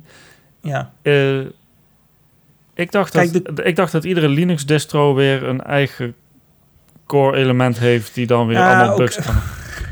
Oké, even om het simpel te houden. De kernel, dus de, de kern, de, de, de drivers en hoe je grafische kaart en hoe je harde schijf en hoe je processor, hoe die dingen samen gaan, dat is bij alle distro's hetzelfde. De kernel is ook maar vrij klein. De kernel is maar een paar megabyte. Dus of je nou Ja. Linux versie A hebt of versie B of C of D... dus met al die verschillende schilletjes... Ja, die kernels die zijn, die zijn hetzelfde. Oké. Dat is makkelijk. De kernel is ook waar Linus Torvalds ooit mee begon. Dat was gewoon command line. Dat, dat, er zat nog geen grafische schil op of niks. Een paar verschillende teams hebben allerlei grafische schillen gemaakt. Je hebt KDE, dat is een hele bekende. Je hebt GNOME, dat is een hele bekende. ja. Je hebt XFCE, dat is een eh, heel licht gewicht. Die, bijvoorbeeld als je Raspberry draait, Ja, dan krijg je XFCE. Chromebooks die hebben tegenwoordig ook een Linux-distro eh, erop staan. Ik weet niet meer wel. Ja, nou in feite zou je kunnen zeggen dat Android, dus wat je op je telefoon draait, dat dat een schilletje is, zoals GNOME, zoals KDE, zoals XFCE, die over de Linux kernel draait. Als jij een Android telefoon hebt, dan draai je Linux. Alleen waarom ziet het er fancy uit? Omdat er een schilletje bovenop is gebouwd. Dus vensters met knopjes. Dat draait boven de Linux kernel. En nou vraag jij, ja, maar waar is nou die fragmentatie? Waarom is het allemaal anders? Wel, omdat je dus ervoor kunt kiezen om allerlei appjes te bouwen. Kijk, Android is niet alleen maar kaal. Nee, er zitten allerlei appjes van Google zelf in. Er zit een Google zoekvenstertje in, er zit een Google Maps in, er zit een Google weet ik het wat er allemaal in is gebouwd. En dat is waar de verschillen tussen al die distro's zijn. Sommige distro's gaan heel... eh, ik weet dat bij GNOME zat er een heel eh, Office pakket bij. Dat had niks met, eh, met andere Linux distro's te maken. Ze hadden een eigen Office pakket gemaakt. Eh, je kunt ook gewoon een standaard pakket installeren, LibreOffice of OpenOffice of zo. Maar snap je, dus je kunt zo ver gaan als je maar wilt met die schil uitbreiden met eigen appjes erbovenop. Maar is het zo dat een appje die geschreven is voor distro C ook op A werkt? Of werkt dat dan weer niet? Nee. Nee, je kunt wel de code downloaden en de aanpassingen doen die nodig zijn en het opnieuw compileren. En dan werkt het wel, maar niet meteen uit de doos. Ja, ja, ja. Dus toch een beetje... Dus, het is, dus daarom heb je fragmentatie, heb je inderdaad relatief minder mensen die ernaar kijken. Gewoon dat er niet één standaard is besloten. Ja. Dat is een zwakte, maar ook een sterkte. Want ik bedoel, ik zeg al, dat Elements bijvoorbeeld, ik, ja, het ziet er fantastisch uit. Eh, maar je wel- hoeft er niet voor te kiezen. Je kunt ook zeggen, ik, pak, ik heb zelf een eh, laptop, laptop hier draaien met Mint. Linux Mint. Nou, dat ziet er heel eh, minty uit. Ziet er heel fris uit. allemaal. En Elements, eh, heb je Elements wel eens geprobeerd? Sorry? Heb je Elements wel eens gedraaid? Nou, ik heb hem hier in mijn cd-speler. Ik moet hem nog steeds... Ik moet een keer mijn Windows-PC herstarten en dan op F12 drukken. En dan ga ik hem een keer bekijken. Ik heb plaatjes op internet gezien. Het zag er heel gelikt uit, maar ik heb hem nog niet gedraaid zelf. Ah, Ik heb vorige week de DVD al gebrand. ik moet het alleen nog een keer aan denken als ik mijn PC opstart. ja, dat is wel Dat interessant. ga ik volgende keer bespreken, hoe dat eruit ziet. Elements. Ik zet het op, eh, op mijn lijstje om... eh, nou, Nou, hoe kwamen we dan hierop? eh, eh, via TikTok. Hoe kwamen we hierop? Oh, TikTok en onveilig onveilige systemen. Wauw, dit is wel de aflevering waarin we uitgebreid rants... eh. ja, dat heb je als je weken geen podcast opneemt. Dan moet je alles in één keer kwijt natuurlijk. Hè? Ja, ja, dus dat, Prachtig. Ja, dan gaan we maar toch eh, richting het slot van deze podcast. Om het toch binnen de perken, dat is trouwens, eh, dat, kan, dat niet meer. Ja, ja, ja. Dat- Dat kan niet meer binnen de perken, is te laat. ja. Maar goed, het einde van de podcast doen we meestal met een, eh, een tip van een boek, een film, een eh, review. Ehm, heb jij een tip voor luisteraars? Ik heb één ding opgeschreven. Dat was eh, een filmtip. Volgens mij voor 2,50 euro kun je op Pathé thuis kun je oude films kijken. En ik kwam daar de film V for Vendetta tegen. Het is een oude film met... ehm, hoe heet zij ook alweer? Niet Nicole Kidman. Ik ben niet ik goed had met het even namen. moeten opzoeken. Ja, een bekende actrice. Ik ben eh, Nicole Portman. Hè, hè. Ja, andere Nicole. Ehm, en het gaat over een overheid in Engeland. En die grijpt eigenlijk de macht. eh, nou, heeft de overheid al de macht. Maar ik bedoel, de overheid wordt een soort dictatuur. Nadat er een eng virus is uitgebroken. En sinds wij in een tijd leven dat er Ah. een virus de aarde rondwaart, dacht ik, hé, hey, dat is een mooie film om Ja. eens te kijken. De Het gelijkenis is een heel dystopische film. Ehm, het is een beetje een grove film, moet ik zeggen. Tenminste, Oh. grof als een... eh, ja, het gaat over opstand tegen die onderdrukkende overheid eigenlijk. Dus eh, het is denk ik niet voor jonge kijkers. Maar ehm, ja, ik vond het wel een, eh, de moeite waard om te doen. V voor Vendetta dus. Oké. En jij? Ehm, ik heb meer een praktische tip voor de luisteraars. Er is al een hint gegeven in deze show, namelijk mijn Siri die in één keer afging. Oh, Dat is dan weer minder praktisch. Maar, wat, maar ik zou toch iedereen willen aanbevelen om eens serieus een Google Assistant of Siri te overwegen. Eh, ik gebruik het heel veel. Ik heb heel, Ja? de, dag, ja, heel de dag door eh, praat ik tegen mijn digitale assistent. En dan zeg ik gewoon van, oh, eh, oh weet je wel, ik heb heel de dag gedachtes en dan vergeet ik weer van alles. oh. Dus dan zeg ik gewoon, hé hey Siri, eh, herinner mij morgen om 11 uur dat ik dit en dat doe. Of eh, eh, maak deze notitie in mijn agenda. Of doe dit of dat. Of eh, eh, ehm, zet een alarm. Zet een timer voor zoveel minuten. Zoek even dit op. Open die app. Ja, dan heb, je weet dat je die app hebt. Ergens helemaal begraven onderin je icoontjes. Maar is praten sneller dan het zelf intypen? Veel sneller. Veel sneller. Ja, ja, ja. Typ jij zo langzaam dan? Nee, ik Of praat je zo snel? maar eh, oké, wat is jouw idee over dit? Hoe, als jij... eh, Nou ja, ik heb ook een iPhone en een iPad. Maar het eerste wat ik op zo'n ding doe, is ik hem uit de doos haal, is Siri uitzetten. Omdat het net niet werkt. Dan is deze tip voor jou. werkt. Nou, wat ik wel serieus interessant vind, wat blijkbaar gaat komen in, eh in het einde van het jaar, in eh, september of zo, komt een nieuwe iOS uit. Dat er dus weer een uitbreiding op je iPhone komt. Namelijk dat je ook een vertaal-app. Ja, dat heb je gewoon die- nu toch ook al met Google Translate? Ja, ja, maar daar heb je internet voor nodig. Nee, je want je, kunt, zien dat je. je loopt weer achter de feiten aan, Jan. Want Oh ja? bij eh. Google eh, Translate kun je gewoon zeggen... deze taal wil ik offline kunnen vertalen. En dan doe, kun je gewoon een heel Oh. pakketje kun je downloaden. Dat heb ik Oh, gedaan nou, op weg naar wist- Spanje. Dat wist ik nog niet. Oh, Ja, ja, precies. Dat leek me dus handig als je in het Ja. buitenland even geen data hebt. En... Google Ja. was je voor. Maar eh, waarom ik terugkom op Google Assistant, of in dit geval Siri voor de iPhone gebruikers, maar Google Assistant is hetzelfde voor Android. Ehm, ik zie iemand die wil een timer instellen, want hij, is, eh, hij heeft zijn lasagne op de, in de oven geslingerd en eh, dat moet er zoveel minuten in zitten. Dan opent hij zijn telefoon, dan gaat hij naar de app klok, dan gaat hij naar het tabblad timer, dan gaat hij met zijn vinger swipen totdat hij de juiste tijd heeft. Dan duwt hij op start en daarna Mhm. realiseert hij zichzelf dat hij een hoop tijd verspild heeft. Ik pak mijn telefoon op, ik duw die knop aan de zijkant in en ik zeg: zet een timer voor drie minuten. En dan zegt hij: oké, timer ingesteld en het loopt. Klaar. En eh, in het begin deed ik dit dus allemaal inderdaad met die knop aan de zijkant. Want ik had geen zin dat Siri in één keer af eh, zou gaan. En nu heb je gewoon maar... Hey Siri! Nu heb ik Hey Siri geactiveerd. Oh, wacht, je hebt geen speaker in... Ah man, ik wil die jouw Siri aan laten gaan. Maar je hebt Dat- geen speaker in je kamer. Dat, eh, nou, voor de luisteraars, Jan kan wel mijn eh, bureau zien, voor een gedeelte in ieder geval. Er is een trucje. Als je je iPhone met het scherm naar boven neerlegt, dan kan die worden geactiveerd door de Knop. Hey Siri eh, commando. Nu draai ik hem weer om. Als hij met zijn Ja. beeldscherm naar beneden ligt, dan negeert hij dat. En dan luistert hij daar Ah, niet naar. Dus als je een film zit te kijken of YouTube of je zit in een lezing, draai je telefoon om met de achterkant naar boven. Ja. En dan negeert hij die Hey Siri commando's. Daar staat hij ook op stil, toch? Dat je ook, als je gebeld wordt, dat hij alleen maar gaat trillen in plaats Nee. van geluid maken of zo. Dit is, Niet? dit is alleen voor Hey Siri. Oh. Daar heb je die Oh. geluidsschakelaar voor aan de zijkant. Ehm, maar waarom is Hey Siri nou zo handig? Wel, mijn telefoon ligt ergens in het midden van de kamer. Eh, ik sta ergens eh, met twee handen vol iets te doen. Opeens krijg ik een idee. Dan kan ik roepen, Hey Siri. En dan vraag ik gewoon wat ik wil vragen. Bijvoorbeeld, hoe warm is het buiten? Want ik ga zo naar buiten. En dan zegt hij, oh, buiten is het zo warm. Of, eh, hoe laat gaat de zon onder? Of, help me herinneren aan dit of dat. En als ik in mijn bed lig, ik weet niet hoe dat voor jou is, maar als jij s'nachts wakker wordt en het is pikken donker, mijn ogen kunnen dat licht nog niet eh, aan wat een telefoon afgeeft. Dus als ik in mijn bed lig en ik vraag me af, goh, hoe lang kan ik nog blijven liggen voordat ik echt eruit moet? Dan zeg ik nu gewoon eh, met mijn ogen dicht, hey Siri, hoe lang of eh, hoe laat is het? En dan zegt hij, het is nu zo laat. En dan weet ik, ah, ik kan nog een uurtje liggen. Of twee, of wat dan ook. Of ik moet er zo uit.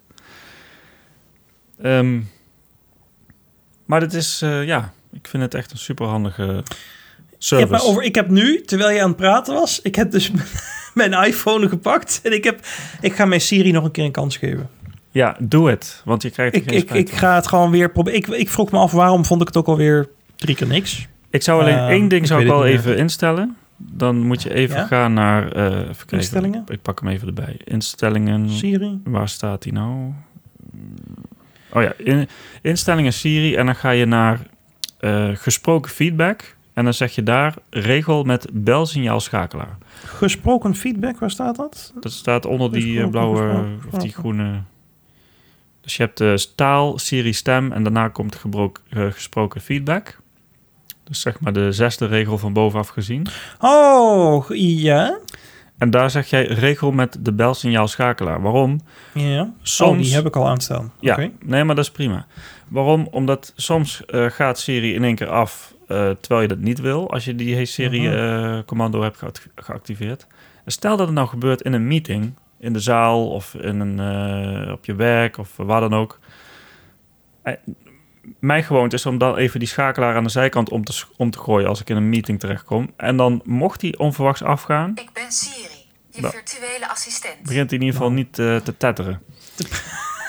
Midden in een podcast. te Midden in een podcast bijvoorbeeld. Nou, ik heb dus die schakelaar altijd uitstaan. Want ik bedoel, ik wil nooit iets horen. Ik heb mijn telefoon... Als ik gebeld wil worden, heb ik mijn telefoon bij me. En dan wil ik hem gewoon voelen trillen. ja. Dus eigenlijk heb ik altijd belsignalen uitstaan. En appsignalen trouwens ook. Bij Ja, mij mag dat- die trillen bij alles. Maar nooit geluidjes doen. Dat heb ik dan niet, maar ik... eh, Weet je wie er trouwens een enorme Apple-fan is? Wouter. We gaan volgende week het misschien niet alleen over Star Trek hebben. misschien gaan we ook even de laatste Apple-nieuwtjes bespreken. Wie weet, ik heb geen idee. Ik eh, ben sowieso, hebben, ik, maar- ik moet zeggen, voor degenen die mij kennen, die denken, Nico, waarom ben je nou zo lyrisch over Apple in één keer? Ik ben sinds kort overgestapt van, eh, van Android naar, van een Android-telefoon naar een, eh, een iPhone. Dus ik heb nu... Waarom eigenlijk? Ik bedoel, we Eh, gaan toch al over de tijd, dus maak ook niet meer, vertel maar gewoon. Waar- Ja. Waarom? Ik, nou, ik, ik, eh, ik ben best wel een gadget freak. Dus ik heb wel dat ik om de zoveel jaar dus wel van platform wissel. Gewoon uit pure interesse. Van wat, hoe werkt dat nu dan? eh, is er wel, wat is er veranderd? Of is het interessant? Maar nu, eh, ik heb denk ik een klein jaar geleden had ik een eh, Galaxy Note 10 eh, Plus had ik gehaald. Dus het is ook niet de goedkoopste Android telefoon. Dus ik wil, ik wil wel een fijne experience. Maar ik werd helemaal knettergek van die... eh, dus ze hebben een vingerafdrukscanner achter het glas verwerkt. Mm. Dus je moet op je glas je duim leggen. En dan zit er achter je beeldscherm zit dus die sensor die je dan je vinger uitleest. Maar dat werkt gewoon maar. Heeft hij geen gezichtsherkenning dan? Dat dure Galaxy S? eh, die heeft, die heeft een, een onveiligere vorm van gezichtsherkenning. Dus hij gebruikt Oh. gewoon de camera die erop zit. En het nadeel daarvan is, het, het werkt wel... Het is niet zo fraudegevoelig als je zou denken. Want ik heb met mijn eigen foto... heb ik hem niet open gekregen. En met mijn gezicht Oh. wel. Dus, dat, eh, dus daar maakt hij toch wel op de een of andere manier onderscheid in. Maar hij werkt niet in het donker. Dus als je dan in je Ah. bed ligt of je bent in een donkere kamer... dan werkt die gezichtsherkenning niet. Dan vraagt hij dus om je vinger. En die vinger die zegt hij... oh, vinger niet herkend, scan nog een keer. Vinger niet herkend, scan nog een keer. Vinger, nou, Dus dat werkt gewoon nog net niet helemaal goed. Nee, dat is gewoon verschrikkelijk. En ik werd Ja. er zo knettergek van... dat ik dus eh, dacht van, ik moet eh, iets anders. En toen... Want ik was al, al vanaf de iPhone 10 was ik wel al geïnteresseerd in de Face ID. Eh, en, nu- en nu had ik echt zoiets van, ik wil Face ID. Klaar, maakt niet uit. Eh, ik, ik- in het begin was ik nog een beetje chagrijnig over iOS. Want het is toch niet zo vrij en blij als eh, Android. Ik- op Android kun je zeg maar alles. En op I- I- iOS is het een eh, garden wall, zeg maar. Of walled garden. Walled sorry. Garden, ja. Garden Wall, dat lijkt me ook heel interessant. Maar ja, het is allemaal wat dichtgetimmerd op Het is wat dichtgetimmerd, maar- Dat is waar. Maar wat ik dus heel erg fijn vind, is die Face ID. Hè? Dat je swipe hem zo open en je bent binnen en het is gewoon een zalige genoegdoening. Wat ook heel erg fijn is, is Apple Pay. Dat kan ik nu ook Mm. eindelijk gebruiken, want Ja, Samsung heeft wel Samsung Pay, maar dat accepteren die banken hier op de een of andere manier niet. Dus dat, Nee, dat kon ja. ik gewoon nooit en je hebt gebruiken. Google Pay en je hebt Garmin Pay. En Ja, het, e- het enige wat hier werkt is Apple Pay, maar het werkt zo ontzettend goed. Ik heb gewoon heel Ja. de vakantie door Frankrijk, Spanje, Bliep, alles. Ik heb overal met Apple Pay betaald en het was gewoon... Ja. Het was gewoon, op een gegeven moment was het gewoon verslavend. Ik, kan ik nog iets kopen ergens? Nog een keer kan- betalen Kan, Kan keer ik nog betalen met Apple Pay? Ik ben ooit even twee eh, maanden klant geweest bij de ING. Omdat de ING ooit de eerste bank in Nederland was die Apple Pay ondersteunde. Totdat Bunk en iedereen het ging doen. Ja, bunk natuurlijk. Dus ik had even een speciale berekening waar ik dan een paar euro op zette. Gewoon om Apple Pay te kunnen gebruiken. Ja, nee, maar het, het is echt zalig. Ik eh, kan er Ja. niet eh, genoeg positief over zijn. En dan heb je ook nog eh, natuurlijk Siri, waar ik heel blij mee ben. Dat is nu mijn tip. Google Assistant gebruikte ik ook wel, maar Siri hebben ze beter geïntegreerd. Dus als ik nou de powerknop aan de zijkant inhoud, dan kan ik meteen spreken. En bij Google Assistant moest je dan toch eerst je... je de- ze hadden niet echt een hardwareknop, dat was de home-knop, die, eh, die dus softwarematig is. Was allemaal wat, wat lastiger gewoon. Sommige telefoons hadden wel een assistentknop, bij Samsung bijvoorbeeld. Maar dan krijg je Bixby. Nou, daar zit ik helemaal niet op te wachten. Dus, eh, en nu eh, over Apple gesproken en enthousiasme daarover, maar daar gaan we het volgende week dan wel over hebben verder. Die Apple Silicon, dus dat ze van, dat ze van Intel-architectuur overgaan naar, eh, naar die, eh, die eigen processors. mijn Die- eigen chips. Naar een Ja, eigen Daar chips. moeten we het volgende week ook over hebben. Oh man. Dat vind ik echt Wouter, heel... als je luistert, lees je in. Dit is een interessant onderwerp. Wouter luistert sowieso, want hij filtert ons. Hij is onze sensor. Hè? Ja. Dadelijk gaan we de helft wegknippen op zijn aanrader. Ja, ja, Ja, maar dat... eh, Het wordt heel meta nu ook, dat we onze eigen podcast bespreken in onze podcast. Inception. een podcast Had ik het woord meta al gebruikt deze podcast? Nou, in ieder geval nu wel. Maar ik, eh, ik moet zeggen Oh. dat ik, eh, qua, ik, ik... Wat ik... Techniek, ik hou van techniek en innovatie daarin. En ik moet zeggen dat gewoon... Ja, sorry, maar... eh, ja, Apple loopt gewoon voorop eigenlijk. op dit moment niet, Ja. niet qua iOS, want dat is gewoon eigenlijk een heel saai systeem. Maar die diensten van Face ID, Apple Pay en de manier waarop Siri best wel goed geïntegreerd is in het systeem. Ja, daar kan ik alleen maar positief over zijn. En wat dat betreft ben ik nu inmiddels heel erg blij met mijn eh, iPhone. Ik eh, was in het begin nog, wat ik al zei, een beetje onwennig. Maar nu, eh, ja, nu wil ik niet meer terug naar Android voordat hun dat allemaal op orde hebben. En ik, ik heb geen signalen gezien dat ze dat binnenkort gaan doen. Dus Siri, hoe warm is het hier?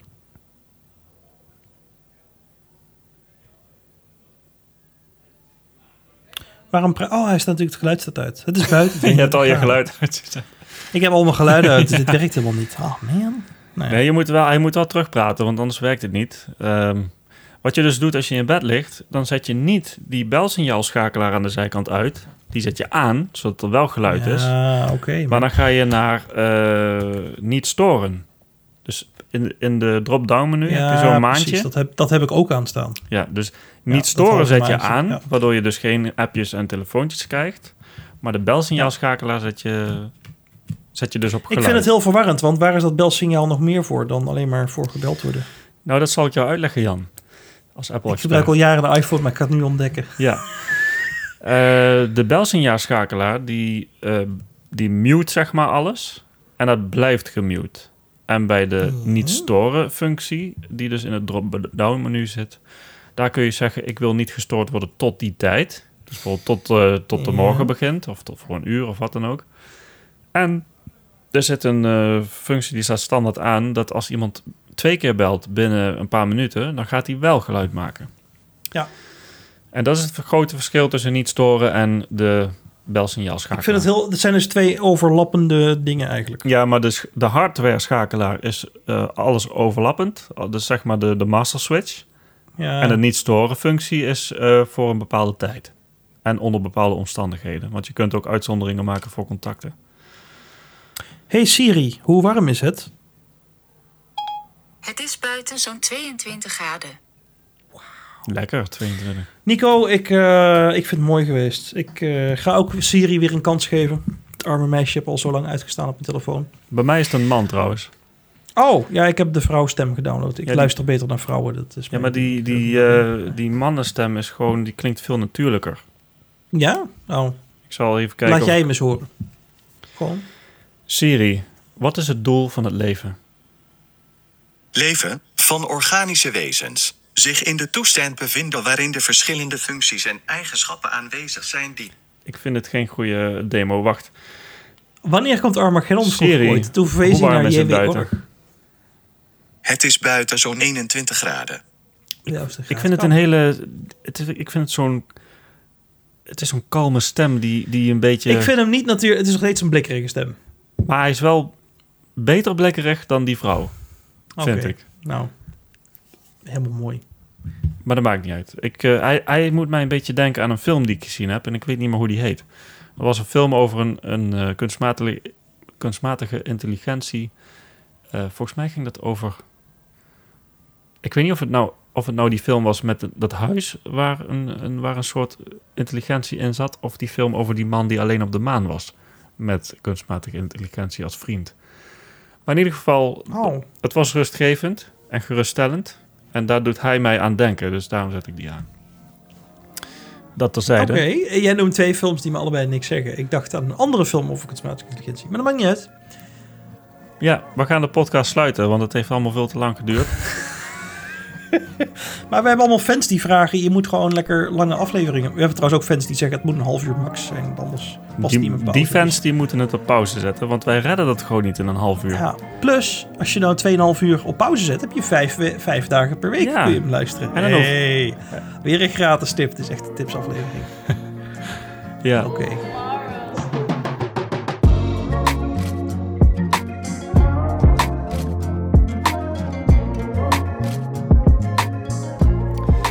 Voor degene die het tot hier heeft volgehouden, een welverdiend applaus.